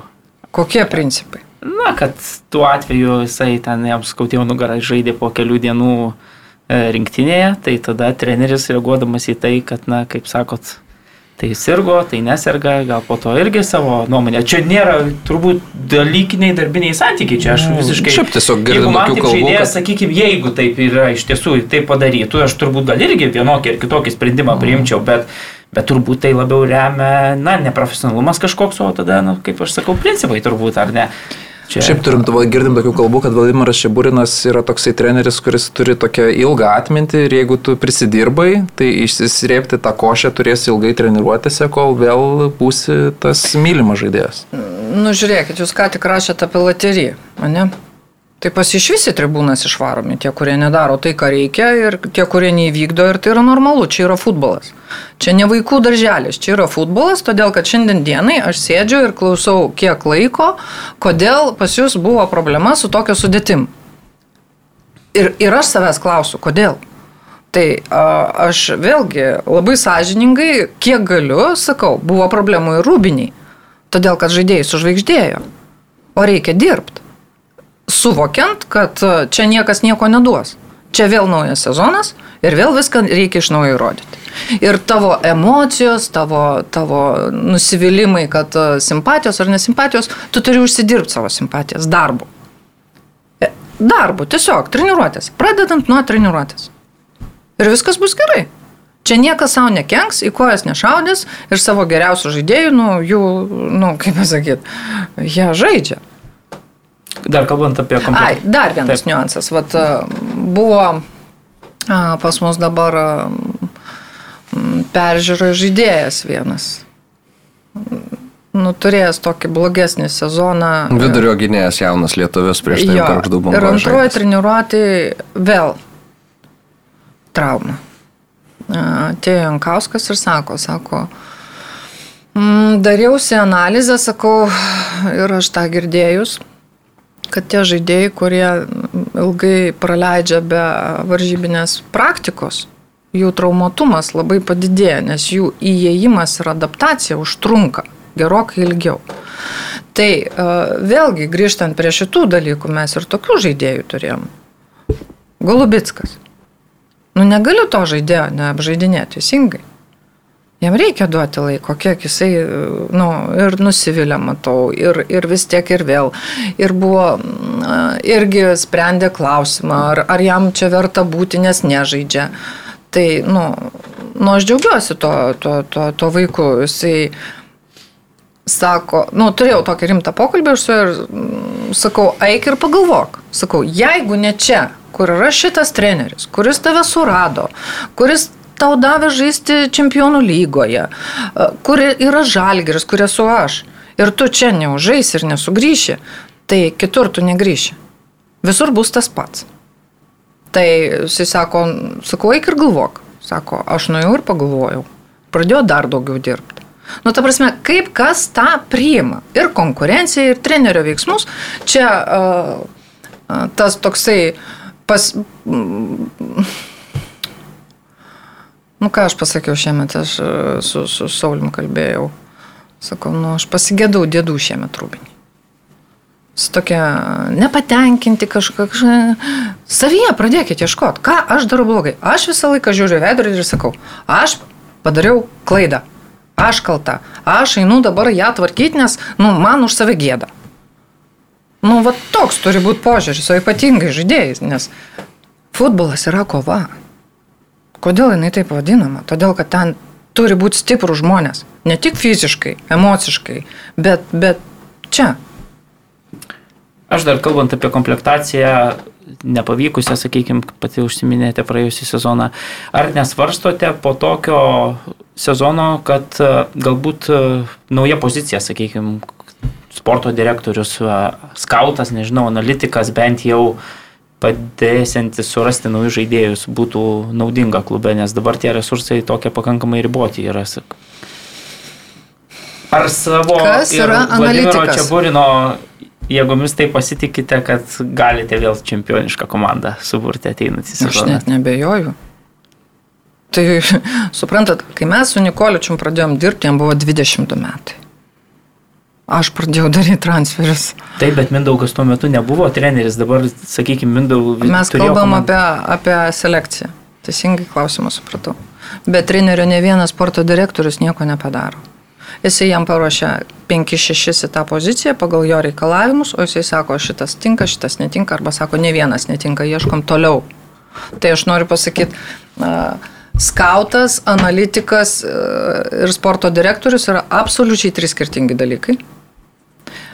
Absoliučiai trys skirtingi sutinku, dalykai. Sutinku, bet idealiu atveju, sakykime, jeigu... Idealiu atveju tai turėtų turi būti Galimybę pasisamdyti visus, mano manimų žalgeris, toks, tokio dydžio, bent jau Lietuvos mastelės klubas, na irgi turbūt turėtų turėti ir analitiką, ir sporto direktorių, bent jau aš taip įsivaizduoju. Arba bent jau tokį, kuris, tarkim, rinktų... Kas yra analitikas? Nu, palaukit. Tada uh, susi, susi, Gerai, susivienodinam, Man nes atrodo, sporto direktorius būtų naudingas, jeigu jau sporto direktoriaus, na, ten nežinau, dėl vienų ar kitų ką priimtumėt?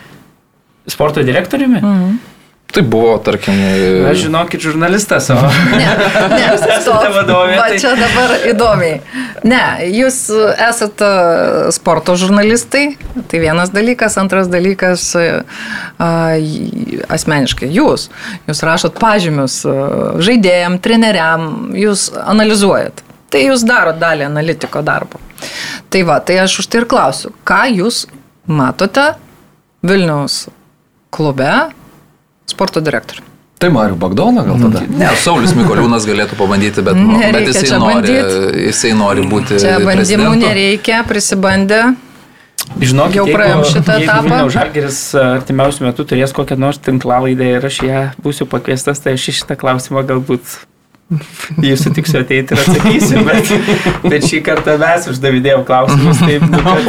Oi, kaip griežtai. Ne, aš, Ne, ne, prasme, aš klausiu. atsakyti ir, ir nežinau dabar. Ne, nemanau, bet tiesiog ta mano- pozicija, a, jinai, kaip jūs ją matote, ar jinai, kuri, va, iš tų trijų, kuri reikia, reikalingiausia, ar, ar iš vis jų nereikia? Gerai, Davidas Česnauskis subūrė panevižį realiai šiais metais. Jūs nustebino tai, kad e, Davidas subūrė čempionišką komandą po to, Kuris po to buvo tapo pabandymas. Vilniuje jo. A, a, Žiūrėkit, aš niekada nepasakiau, kad Laterinė buvo kandidatas. Jis buvo, todėl kad jis geras.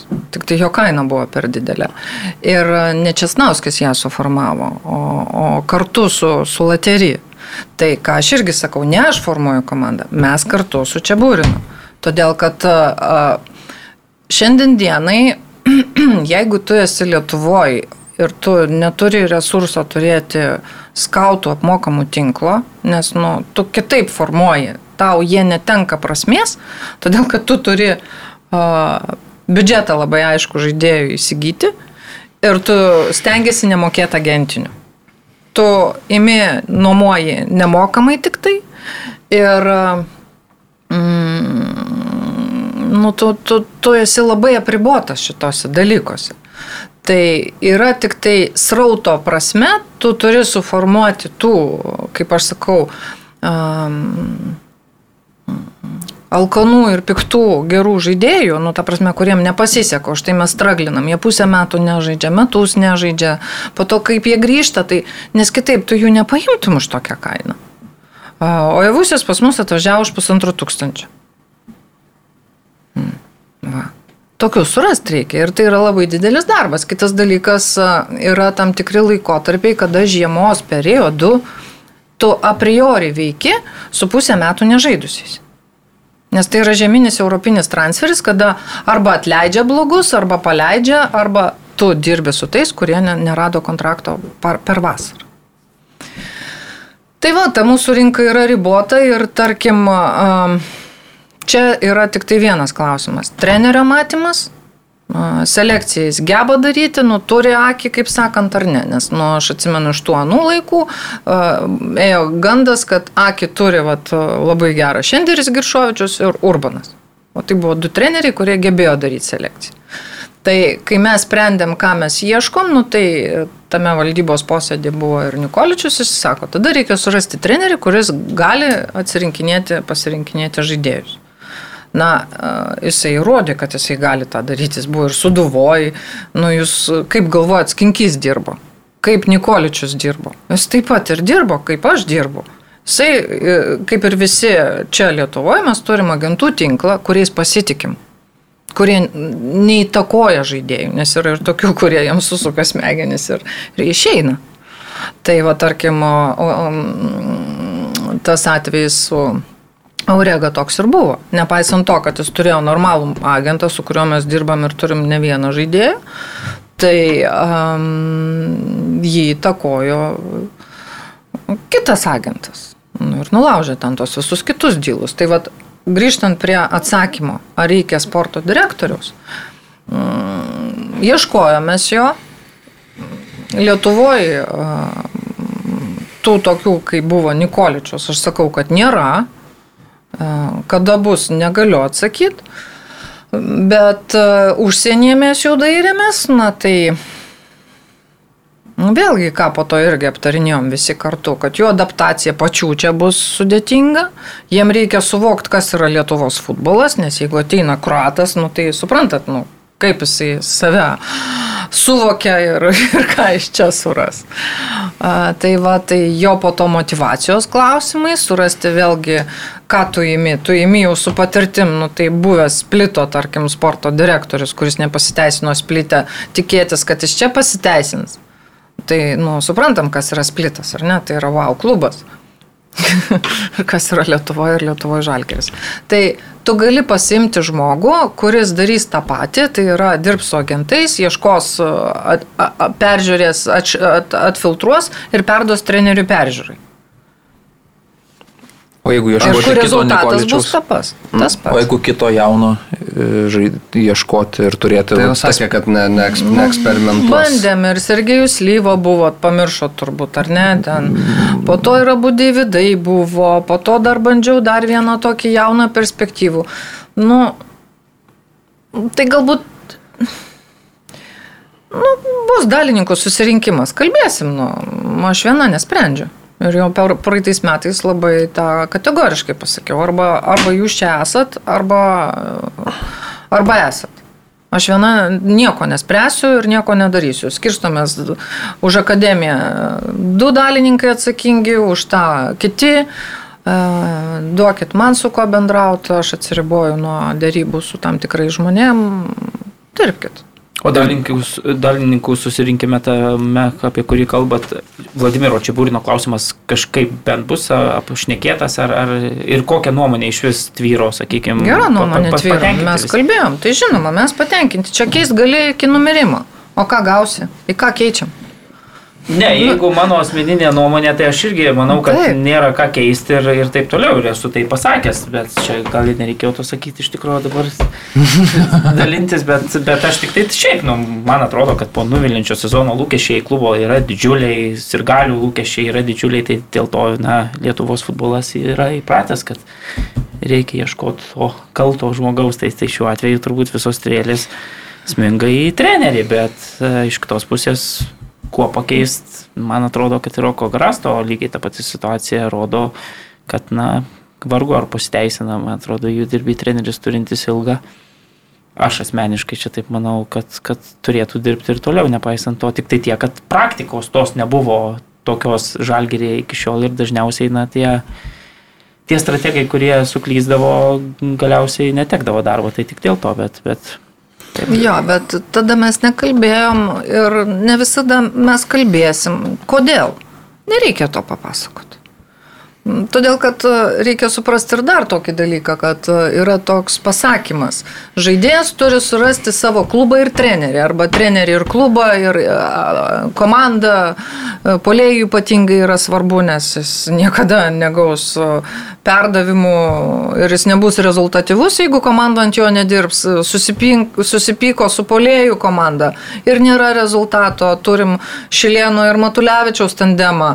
Nu, ten iš vis buvo fantastika. Ta prasme, tai nėra paprasti dalykai. Tai yra ryšiai, psichologija, ryšiai, emocijos, mm, draugiškumas, draugystės ir kiti dalykai. O žiūrėkit, direktorė, dar toks klausimas. Sakot, liks 5-6, ten kiek žaidėjų liks, mažai jų liks, akivaizdu. Bet ar nėra didelės rizikos, kad atėjęs, atėję tie na, 10-15 naujų futbolininkų, na iš jų tikrai bus sunku sulibdyti tą pergalingą riziką didžiulę, sakykime, taip, kad jie čia adaptuotųsi na, visi 10-15 ir, ir taip toliau, jeigu mes matom, kad praėjusią sezoną, na, kiek penkėtie žaidėjai ir turbūt nei vienas taip jau stipriau nepritapo šioje komandoje, tai ar tos rizikos nėra, kad iš tų 10-15 atvykstančių žaidėjų, na, nepavyks to čempioniško derinio su kombinuoti. Yra rizika. Šiemet buvo nenumatyta rizika, ar ne? Čia sportas. Um, Prisimenu labai puikiai dešimtus metus, kada mes startavom su, su, su, su komanda ir po jos 11 žaidėjų paleidom.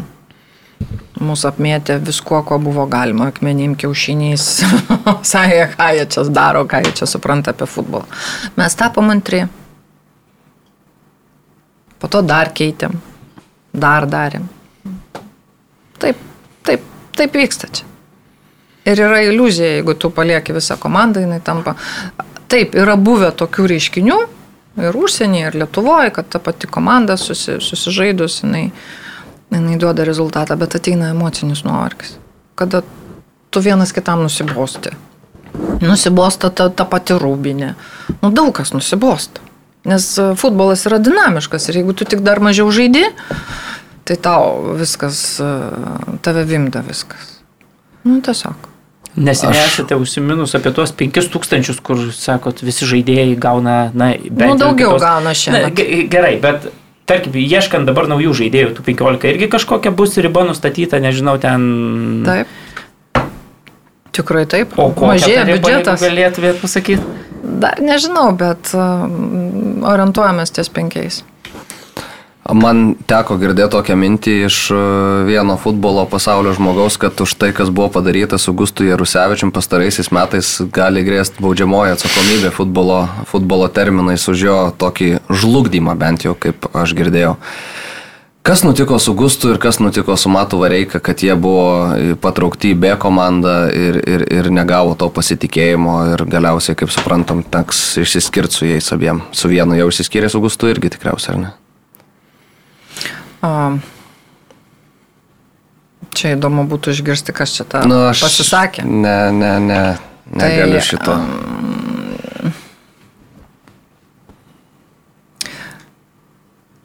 Jeigu įvardint vienu žodžiu šitą, šitą sezoną, tai yra didžiulis nusivylimas, bent jau mano. Gustas, tas žmogus, kuris taip šneka, tai po paskutinių rungtynių atėjo prie trenerio, padėkojo, ačiū, kad jūs mane atvedėte į futbolą, ačiū, kad, kad mane ūkdėte, ta prasme, davėte šansų, ta prasme, su manim pasikalbėjo, kai, kai išėjo tie straipsniai, tai jis atbėgo vaikas, sako, čia ne aš, čia ne aš, čia ne aš, aš čia ne prie ko. Aš noriu tik pasakyti, kad čia aš ne prie ko. Tai to marmalo, kurį daro agentai ir suinteresuoti asmenys, tai aš jums pasakysiu, ką jie norėjo padaryti. Jie norėjo, kad e, man užkristų, kaip sako, kibiras ir aš jį atleiščiau. O aš jam pateikiau pasiūlymą prasitęsti kontraktą ir taip išsaugojau klubui treniruočio kompensaciją. Tai ką po to Česnauskis, būdamas jo agentas, tiesiai šviesiai treneriui ir pasakė po vienų rungtinių. Nes, nu, pradėkim nuo pradžių. Česnauskas yra dabar jau neakredituotas, nelicenzijuotas, bet agentas. Ir ką jisai daro kitų klubų rūbinėse, tai yra blogis. Tai čia taip jau tiesiai šviesiai. Tai um, sako, paleiskit Gustą. Nu, ko jis nepririštas? Kodėl mes čia jį turim paleisti? O jo o šie metai buvo blogi. Jis turėjo traumo, traumą sezono pradžioj, jis hmm, du ar tris mėnesius gydėsi, o po to į sezono pabaigą atsimušė kūną. Nu, atrodo, niekis, bet tu žaisti negali. Bet e, į B komandą? O tai reikia jam žaidybinės praktikos. Nu, reikia. Tai atžaidė, grįžo į formą, viskas liuks. O vareika, tai čia, nu, mano asmeninis nusivylimas. Savimi. Daugiau aš tokių projektų nedarysiu, bet tą vaiką aš tikrai labai mylėjau, man buvo labai jo gaila. Aš jam daviau pažadą, kad aš tave išgydysiu ir gražinsiu į futbolą. Ir aš tą padariau. Daugiau aš komentuoti nieko nenoriu. ir dar daugiau pasakysiu, jeigu ne aš, tai vargu Baueris būtų grįžęs. Paskutinio trauma buvo birželio mėnesį, kada jis eilinį kartą treniru, per treniruotę nusėmė nuo treniruotės, nes vėl atrodė, kad pasitempė gali, galinis plyš. Tai va, tai dabar jisai gavo laiką, atžaidė B komandai, mato, kad gali ir aš tikiuosi, kad jisai jau sugrįš į futbolą ir, ir galės būti ten kažkur aukštai, kur jisai registruotas čempionų lygoje man pasakė, kokie tavo planai. Tu planuoji pradėti čia treniruotis. Sakau, tu suvoki, kad tu jau taip aukštai, tu čempionų lygoje registruotas. Tai gal jau pradėk. Nu, bet čia yra mm, integracija į vyrų futbolą, aš taip vadinu. Kiti nesintegruoja. Nes, mm, ja, Yra daug priežasčių. Tai yra, tik, tai yra psichologija. Savęs vertinimas, kitų vertinimas, aplinkos vertinimas, nusivylimai. Nu, aš, aš įsivaizduoju, kaip, kaip veikia jaunus žmonės tos traumas.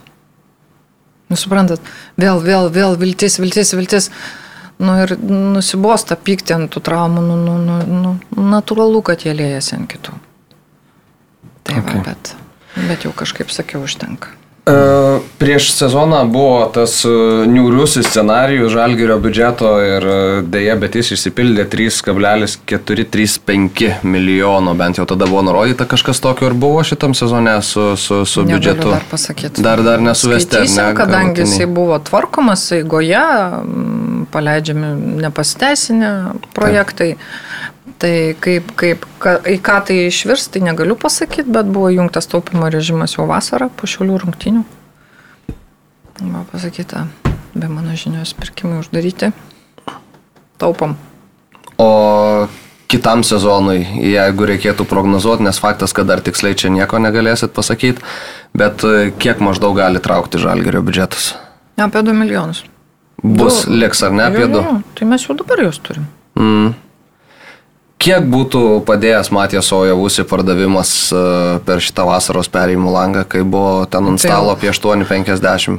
Mm, tai net žodžius būtų padėję, mes būtume stadioną nusipirkę. Jeigu būtumėt pardavę Matijasą? Taip, tai buvo įnašas pradinius. Mm. Ko, ką mes dėrėjome su banku ir e, kokią atėjo aš Matijas Ožinė, nes kaip, kiek žinau, tas pasiūlymas iš Belgijos buvo atėjęs, jis jums tiko, e, belgam viskas tiko, netiko pačiam Matijasu, ar ne? Mm, tai jisai pasirašęs yra prie kontraktą, vakar aš nekėjau su, su vienu agentu mm, nesusijusiu su jais, bet e, kuris teiravosi, tai jie jau vasarą pasirašė. Aš manau, jie pasirašė vasarą, nors jie mm, sako ne, ne, ne, su vienu Turkijos klubu. Turkijos, ar ne? Mm. Ir dėl to tas belgiškas jis negali turėti dviejų kontraktų. Mm, Nesvarbu, kad taip, taip, taip. juridiškai prekontraktas jis nieko nereiškia. Mm. Kol jis neregistruotas ir neįvykęs ITC persikelimas iš vienos neįvyko registracija, jis nu, nieko nereiškia. Bet žaidėjui jisai yra apynasris tam tikras. -hmm. Čia klubas gali daugiau manipuliuoti negu žaidėjas, bet... Ja. Bet jūs, aš įsivaizduoju, kad e, buvot e, ganėtinai patenkinta tuo, kad jo žiemą nepardavėt ar ne, nes jisai vis tiek turėjo labai gerą sezoną. Jūs sakėt, kad mes už, dar, už jį dar galėsim uždirbti ir jūs galėjote teoriškai Taip. uždirbti už jo. Tai vad apie ką eina kalba. Mes projektavom komandą, darėm selekciją. Mes turim pasilikti stuburą. Ir mums reikalingas apžaistas polėjas, nes ką parodys rinka, ką duos rinka polėjų srity, nu, nieks negali žinot.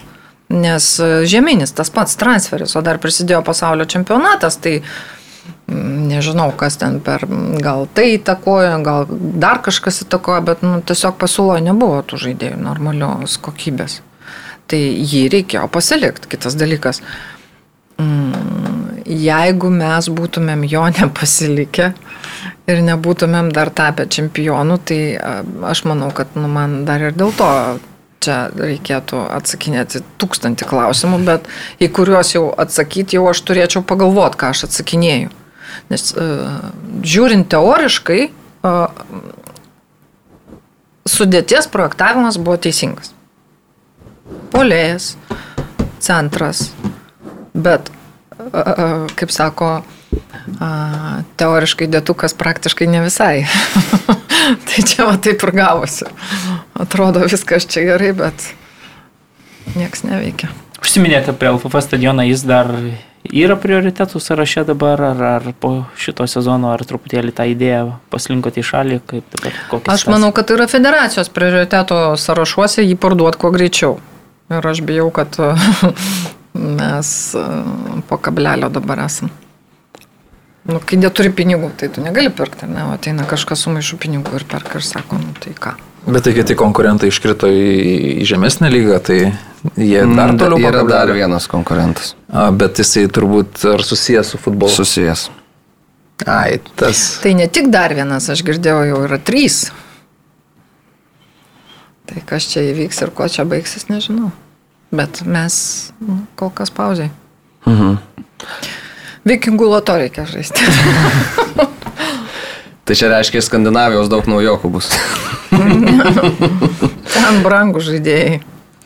Jie ten pigus, jie ten dirba už 5000, ten irgi yra tas toksai, ne tuose top 3, tai ten vat, yra toks limitas. O Lenkijoje, tarp kitko, kas labai nustebino, yra irgi 6-8. Mhm.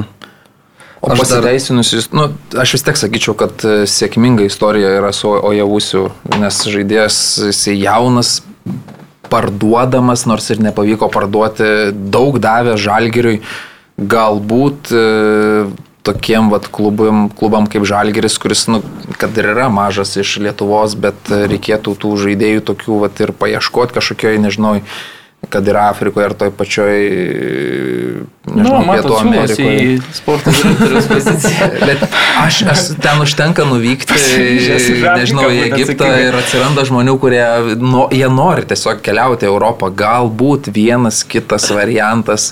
Aš suprantu, kad aš kalbu Visi klubai to utopiškai. ieško, man atrodo. To Ne, jauno, ne, tai yra didžiulis Jūs- vargas. Ne, Didžiulis jūs vargas. supraskite tokį dalyką. Jeigu tai būtų taip paprasta, čia visi sėdėtų ir rūkytų. O tokie klubai, topiniai klubai atidarinėja savo akademijas Afrikoje. Red Bullio. Ten tokią selekciją jau padaro. O mes, suprasdami, kad mes čia negalime atidaryti vaikų darželio, nes turim akademiją, mes savo turim vaikų darželį, kurį turim žiūrėti, nes nu, mes norim lietuvius užauginti. Tai mūsų selekcijos vienas iš kriterijų, kad e, visi tie jauni žaidėjai turėtų būti atžaidę pageidautina aukščiausiam lygmenį Europoje. Jie turi būti jau adaptavęsi mhm. prie Europos. Nes yra tokių atvejų, kad Niodži, atsimenat, mhm. jam čia buvo per šalta. Jo raumenis net laikydavo šito šalčio. Trukinėjo, trukinėjo, trukinėjo, trukinėjo. Mm, Tai Afrikos ne visi žaidėjai adaptuojasi Europoje. Nu, tie patys Japonai labai bloke, nori tai į Europą. Sąlygos blogos. Japonai į Europą nori, dabar turim vieną Japoną. Nu, turim. Na, lygo turim daug japonų. šiaip. O Glasgow Mes taip- Celticas, pažiūrėjau, pusė komandos iš ten Ir atsiveža. Lenkijoje, žinokit, jų yra, bet tai yra tik dėl to, mes irgi domėjomės, net, netyčia sužinojom, kad yra kažkokia tai jų valstybinė politika, kad e, jeigu jie išvažiuoja žaisti futbolą į užsienį, tai juos dotuoja ten kažkaip. Taip ir jie grįžę Taip, taip, atgal į taip. Japoniją, tiesiog e, ten yra ar priedas kažkoks, kad Taip, taip, pažaidęs taip. ir visai kitaip žiūrima į tuos futbolininkus, Jo. kurie, kurie yra Tai va pažaidę. čia Europos klubus. Vis dar yra aktuali ta trijų lietuvių aikštė taisyklėje lygoje ir dabar žiūrint į tą, kad liks keli žaidėjai tik tai šito žalgerio ir nemažai išvyks, kaip suprantu. Bet lieka pagrindę lietuviai. Lieka lietuviai, ar ne? O Ir gerai. toliau deramės. Pirmiausia, nu, mūsų uh, pradžia yra lietuviai. Baigėsi sezonas taip, taip. arba dar nesibaigė, mes žiūrim sąrašus, kas bus laisvi, kas, kas, kas ką, ir mes pradedam nuo lietuvių lipdyti komandą. Tik dėl to, kad yra šita trijų lietuvių taisyklė. Arvidas lieka? Su Arvidu mes turim susitarimą. Jeigu jis gaus pasiūlymą, jis išvažiuos. O bendrai, kaip jūs tą trijų lietuvių taisyklę vertinat jau vat, iš e, metų? Nu, blogai. Aš ją vertinu Tai blogai. Pasiteis, nepasiteisino? jūsų Nepasiteisina. Mano požiūriu, jinai nepasiteisina, nes mes vėl ką darom? Mes naikinam konkurenciją. Nu, nu negali būti taip, kad, nu, va, yra ciklas ir yra geresnis užsienietis ir žaidžia vis tiek lietuvis, nes trys lietuviai turi būti aikštė. Nu, ne taip turi būti.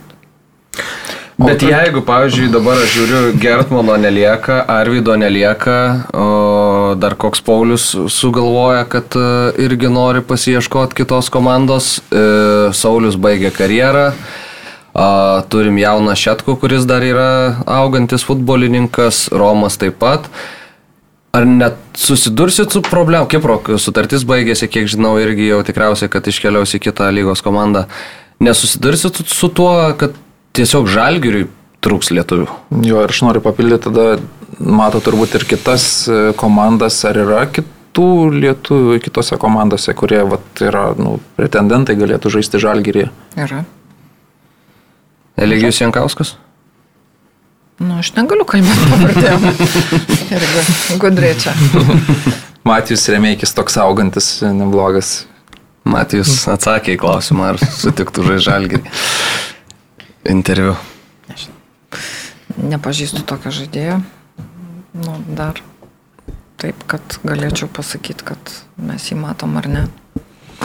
Mes turim savo radaruose tą sąrašą lietuvių, kuriuos matytumėm čia ir su jais išnekam ir jie rimtai svarsto. Nes dar ką savo atsakiau, tai mm, labai svarbu akademijos įsigymas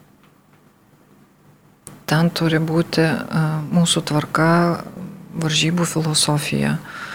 Visų pirma, nes norint daryti integraciją, jeigu B komanda žaidžia savo žaidimą, C komanda dar kitokį žaidimą, tai kaip tu to žaidėjus gali atvesti prie A komandos. Nu, tu juos atvedėjai, tris savaitės treniravai kartu mm, ir tu matai, kad nu, nėra taip, kaip reikėtų, kad būtų ir ko mes tikimės, kad B komanda ateina jau į tą finalinį etapą ir jie jau yra kviečiami ir ant suolo sėdėti ir treniruotis kartu ir į mm, pasiruošimą sezonui kartu praeiti tam, kad suprast reikalavimus ir reikalų esant sėsti ant suolo. Mhm. Nes tokia integracijos schema arba, nu, tarkim, tam tikras dalykas tai yra Nebuvot patenkinta Žydrūno Grudzinsko darbo, taip reiktų suprasti, ką jis darė su, su, su, su Batmanu. Nenoriu aš to vertinti. Nu, kadangi apie sezoną kalbėjom, tai jį reikia išanalizuoti, atsakyti klausimus, kad um, nu, mes pasakytumėm savo argumentus, o šiuo atveju tai aš noriu žiūrėti prieki. O kaip matot, funkcionuojant šią akademiją, tarkim, ne kitą sezoną, nes vis dėlto dar tą savo jau ranką tik pradėsi ten į, į, įdėti ir, ir savo tuos visus raiktus sukiot, bet ką, ką matot akademiją duodančią žalgiriui po penkerių metų, pavyzdžiui, nes man yra kaip ir faina ta idėja, bet iš kitos pusės matant, kad jauni žaidėjai Žalgirio akademijos labai retai, arba jauni šiaip apskritai lietuviai gauna šansą retai Žalgirio komandoje, kurios tikslai gal ne visai susijęjasi su jaunimo integracija. Kiek gali tai turėtos sinergijos tarpusavį?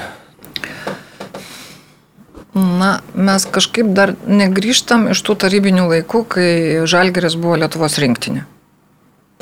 Ten nebuvo komanda, ten nebuvo klubas, tai buvo klubas rinktinė. Ir ją suvažiuodavo geriausi Lietuvos žaidėjai. Tai parodykit man nors vieną klubą Europoje, kuris paima visą B komandą ir įstato ją lygą. Nu, į aukščiausią lygą. Nu, ne taip, ten džiaugiasi, jeigu žaugina vieną talentą vienoje amžiaus grupėje. Ir turint piramidę ne, ne, ne mūsų pajėgumų, ne iš 400 vaikų.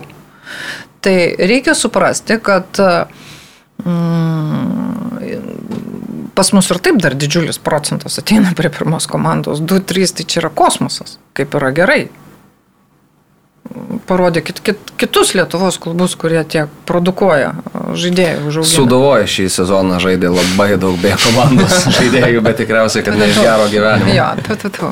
Nenoriu net kalbėti apie tai. Bet jo, Vat labai gerą pavyzdį pasakėt. O realybė futbole jinai yra kitokia. Kartais dėl vieno talento formuoja visą grupę, kad jį užaugintų. Tai reiškia, aplink vieną žaidėją aplipdo 21. Tam, kad jis užauktų. Ir tokia yra praktika. Už tai yra mm, visa struktūra B, C, elitinės grupės ir dar ką planuojam, norim padaryti tą piramidę piramidę, nes jinai dabar keistos tokios formos, mm, kad būtų į dar papamokinis ūkdymas, nu, sveikatinimas, tiesiog nu, tas felas, kodėl jis yra. Todėl, kad nu, norisi žaisti futbolą. Tai ir vaikai, ir, ir paaugliai nori žaisti tą futbolą. Tai tenkinant ir, ir miesto funkcijos dalį, ta prasme, po pamokinio ūkdymo, nes ne kiekvienas jis gali būti žaidėjai. Bet jo, mes norim tenai struktūruoti daug dalykų. Visų pirma, mūsų problema yra aikštės, tai yra Vilniaus problema, net ne mūsų. Neužtenka aikščių. Bet nu, aš tikiu, kad pasistatys per porą metų, tai mūsų tikslai turėti apie 2000 vaikų užsiauginti kito laiko ir trenerius, ir susistiguoti filosofiją rungtynių tam, kad būtų lengviau jiem į kito suolo ateiti. Mhm. Tai iš esmės tai, ir dar žaidžia. svarbiausias mhm. aspektas tai yra Vilniečiai. Nu, mes jau baigėm rinktinės failą, kada tapom nepriklausomi. Tai jeigu tai yra klubas, tai mums svarbu yra, kad tai būtų Žaidėjai, kurie čia gimė, užaugė ir kuriem Vilnius kažką tai reiškia. Spalvos reiškia, nes nu, dabar tas faktorius yra išskydęs labai dėl to, kad nu, buvo vakumas. Mhm. O tai jeigu iš, nežinau, pamatysit gerą talentą šiauliuose, nebandysit atsivežti žaidėjų iš kitų miestų? Bandysim, bet uh, ar prioritetas bus akademika? Mhm daugelį metų Žalgeris buvo tas toks flagmanas ir visi jauni žaidėjai, sakykime, norėjo atstovauti tai komandai ir turbūt dėl tos priežasties net ir Žalgeriui lengviau prisikviesto žaidėjus buvo, nes visi žaidėjai įsivaizdavo, kad didžiulė garbė ir taip toliau. Ar nemanot, kad na, tas statusas truputėlį yra prarastas pastaruosius metus, kad na, atsirado kažkokiu konkurentų ir jau nėra tas žalgeris, kuris būtų visada žaidėjų prioritetas jaunų, tarkim. Ats... Mm. Mm -mm. Manot, kad Žalgiris yra vis tiek ta komanda, kuri... Suprantat, mm, su kuo mes dabar šnekam lietuviais ir tokiais jau ne visai vaikais. Jis sako, Žalgiris geriausia komanda. Ir tai yra tiesa. Šitas failas atsiranda kada? Kada tu nepasitikė savim ir tu, tu nesitikras, kad tu žaisi paščiabūriną. O žais paščiabūriną tas, kas bus geriausias treniruočio procese arba geriausiai įvykdys jo užduotas taktikas lentoje prieš treniruotę. Ir kaip pasakyti, e, dėl to aš ir sakau, mes ieškosim stiprių asmenybę. Tiem, kad, kam rūpės Vilnius, Žalgeris, nesvarbu, futbolas, jisai futbole, mm, nes mes visi turime savyje surasti futbolą, o ne atvirkščiai. Mes esame labai mažas dalelės. Bet kai mes norim tapti kažkuo futbole, tada mums ir nebesiseka. Mes negalim prarasti adekvatumą. Ir aš šiandien dienai sakau, mano klaida didžiausia šitų metų sezonas. Aš labiausiai savim nusivylus, ne jais, savim. Nes aš tą jaučiau, bet vėlgi galvoju, tai buvo irgi, man irgi buvo nuovargis. Jūs suvokėt, kad tą pokytį daryti nėra paprasta. Gerai, tada paklausiu kitaip. Prieš kurį laiką, kai bendravome, buvo gandų pasirodę, kad Vilniaus Žalgeris, na, galima būtų parduoti tą komandą, aš tada atsimenu, skambinau jums, sakot, kad nieks ne, kai, kai atsiras pirkėjas, tada aš ir parduosiu, svarstysiu ir taip toliau.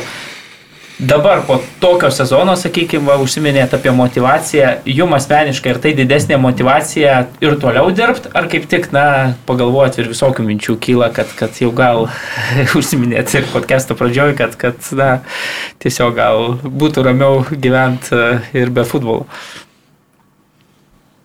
Mm, turbūt praeitų metų, ne, šiemet jisai vyko tas apdovanojimų federacijos renginys. Tai čia mano nuolatinis leitmotyvas, norėčiau sugrįžti 2009. Bet į ten aš jau negrįšiu, o kadangi mano, nu, aš kaip žmogus, mano asmens bruožai, ar čia charakteris, nežinau, ar čia galima tai pavadinti. Aš nekalbu, jeigu nežinau. Patyliu paklausau, jeigu negaliu argumentuoti Bet kol darbo nepadarau, aš negaliu sustoti. O šita situacija, kuri yra dabar, tai man, tai čia sakau, aš vėl jaučiuosi 25, jau vienu momentu sakiau, gal 30, o dabar ne. Aš negaliu pralaimėti. Tai yra kodas manyje.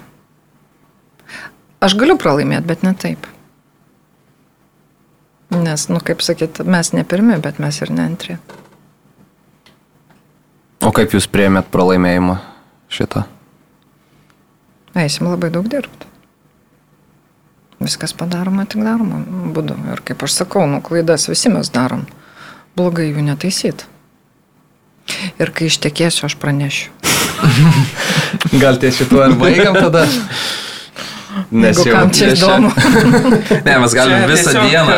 Dieną visuomeniai, ne man asmeniškai. Man ne. asmeniškai aš nemanau, kad... Uh, ne, tai čia niekieno nereikalas, čia, kaip sakant, bet uh, kadangi jūs komentavot, kad uh, Budraičio berots, ne? Taip, nu, tai išsakyta tokia. Tai čia ne jum, kaip sakant, atsakymą. Aš dar gal vieną, nes no. Nu. pasinaudoju progą. Ir... Bet taip praleidai progą gerai užbaigti. Dabar nu, kokią nors. Jo, bet Jo, nežinau, ar, ar patiks klausimas.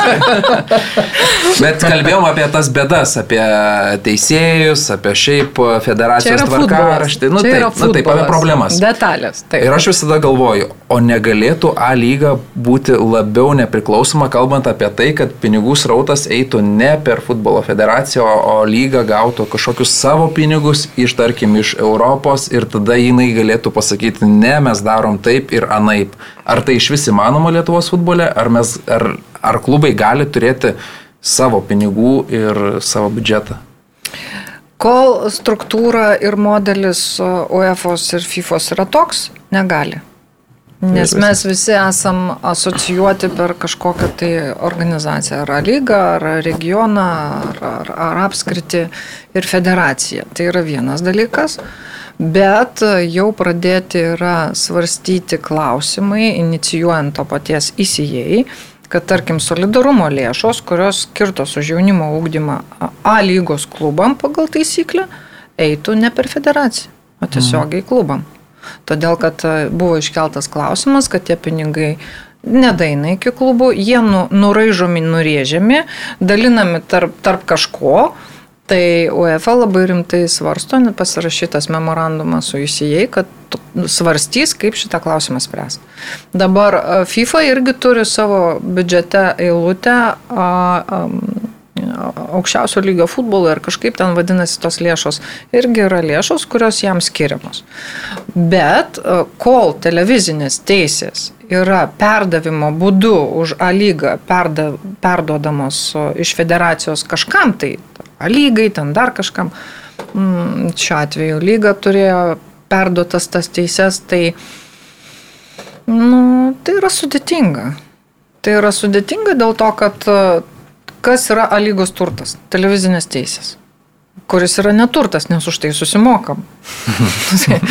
Suprantat, kol kas mes esam tokio keistoj futbolo aplinkoj ir daug dalykų tuos, kuriuos galėtum vertinti, kad vat, futbole taip yra, nu, bet mes Lietuvoje. Uh -huh. Mes Lietuvos infrastruktūroje mm, ir Lietuvos biudžetus. Jeigu mes turėtumėm daugiau pinigų, tai patikėkit, žalgerėje būtų viskas. Ir sporto direktorius, ir ne vienas galbūt augintum šalia, kad e, tam išėjus neliktum be nieko. Čia viską projektuot gali, bet e, visa tai remtųsi tada į 10-15 milijonų. Ir fizinio rengimo treneris dar irgi tokia ne. pozicija, kur... Ne. Ne? Nereikalingas. Mes turim požiūrį, mm, kad tu... kinezioterapeutai turi būti. Turi būti prevencija Mm, ir mm, vyr treneris turi išmanyti šitus dalykus. Pas mus ir pernai, ir šiemet beveik traumų nebuvo. Nes mes dirbam su prevencija, su atstatymo priemonėm, o tos traumos, kurios jos yra, nu, tai jos yra kitokio pobūdžio. Ten virusas tai netrauma. Okay. Ką? Tai tikriausiai, kad jau viskas. Ačiū labai Ačiū Vilmai Venslovaitinė, Vilnių Žalgirio direktoriai. Ačiū Aurimui, Mariui ir ačiū, aišku, man. Iki kitų tikriausiai metų, po kito sezono vėl čia susėsim, nebent e, anksčiau dar bus kokių kitų uh, progų Įdomu. Nu, pasikalbėti. gal klubą parduosim. Gal klubą parduosim. Stadioną nusipirksit. Gal dar kokią Gal šventę įvyks. Loterijų laimėsit. Gal aš išeisiu, gal trenerių atleisim. Nežinau, ta prasme, čia yra futbolas, čia yra Kiek gyvenimas. mes linksmėsnė proga turėsim. Progas. Jo, aš irgi labai tikiu ir tikiuosi ir mm,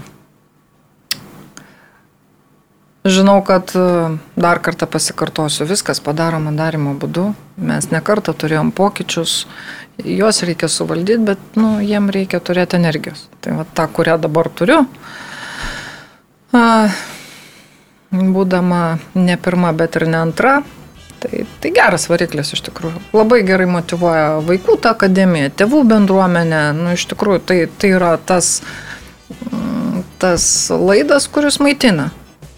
Kad dar ne viskas padaryta, dar reikia padaryti, dar, dar galima geriau padaryti, o mano mm, požiūriui tai yra tik geriausi dalykai mane, mane tenkina. Nesu tobula. Nors sakau, aš esu tobula. Bet, jo, dirbti aš nebijau. Gerai, ką, tai ačiū dar kartą, kad ačiū. pasisvečiavot, ačiū žiūrovam, ačiū Aivorui už pulto, ačiū visiems. Iki. Ačiū.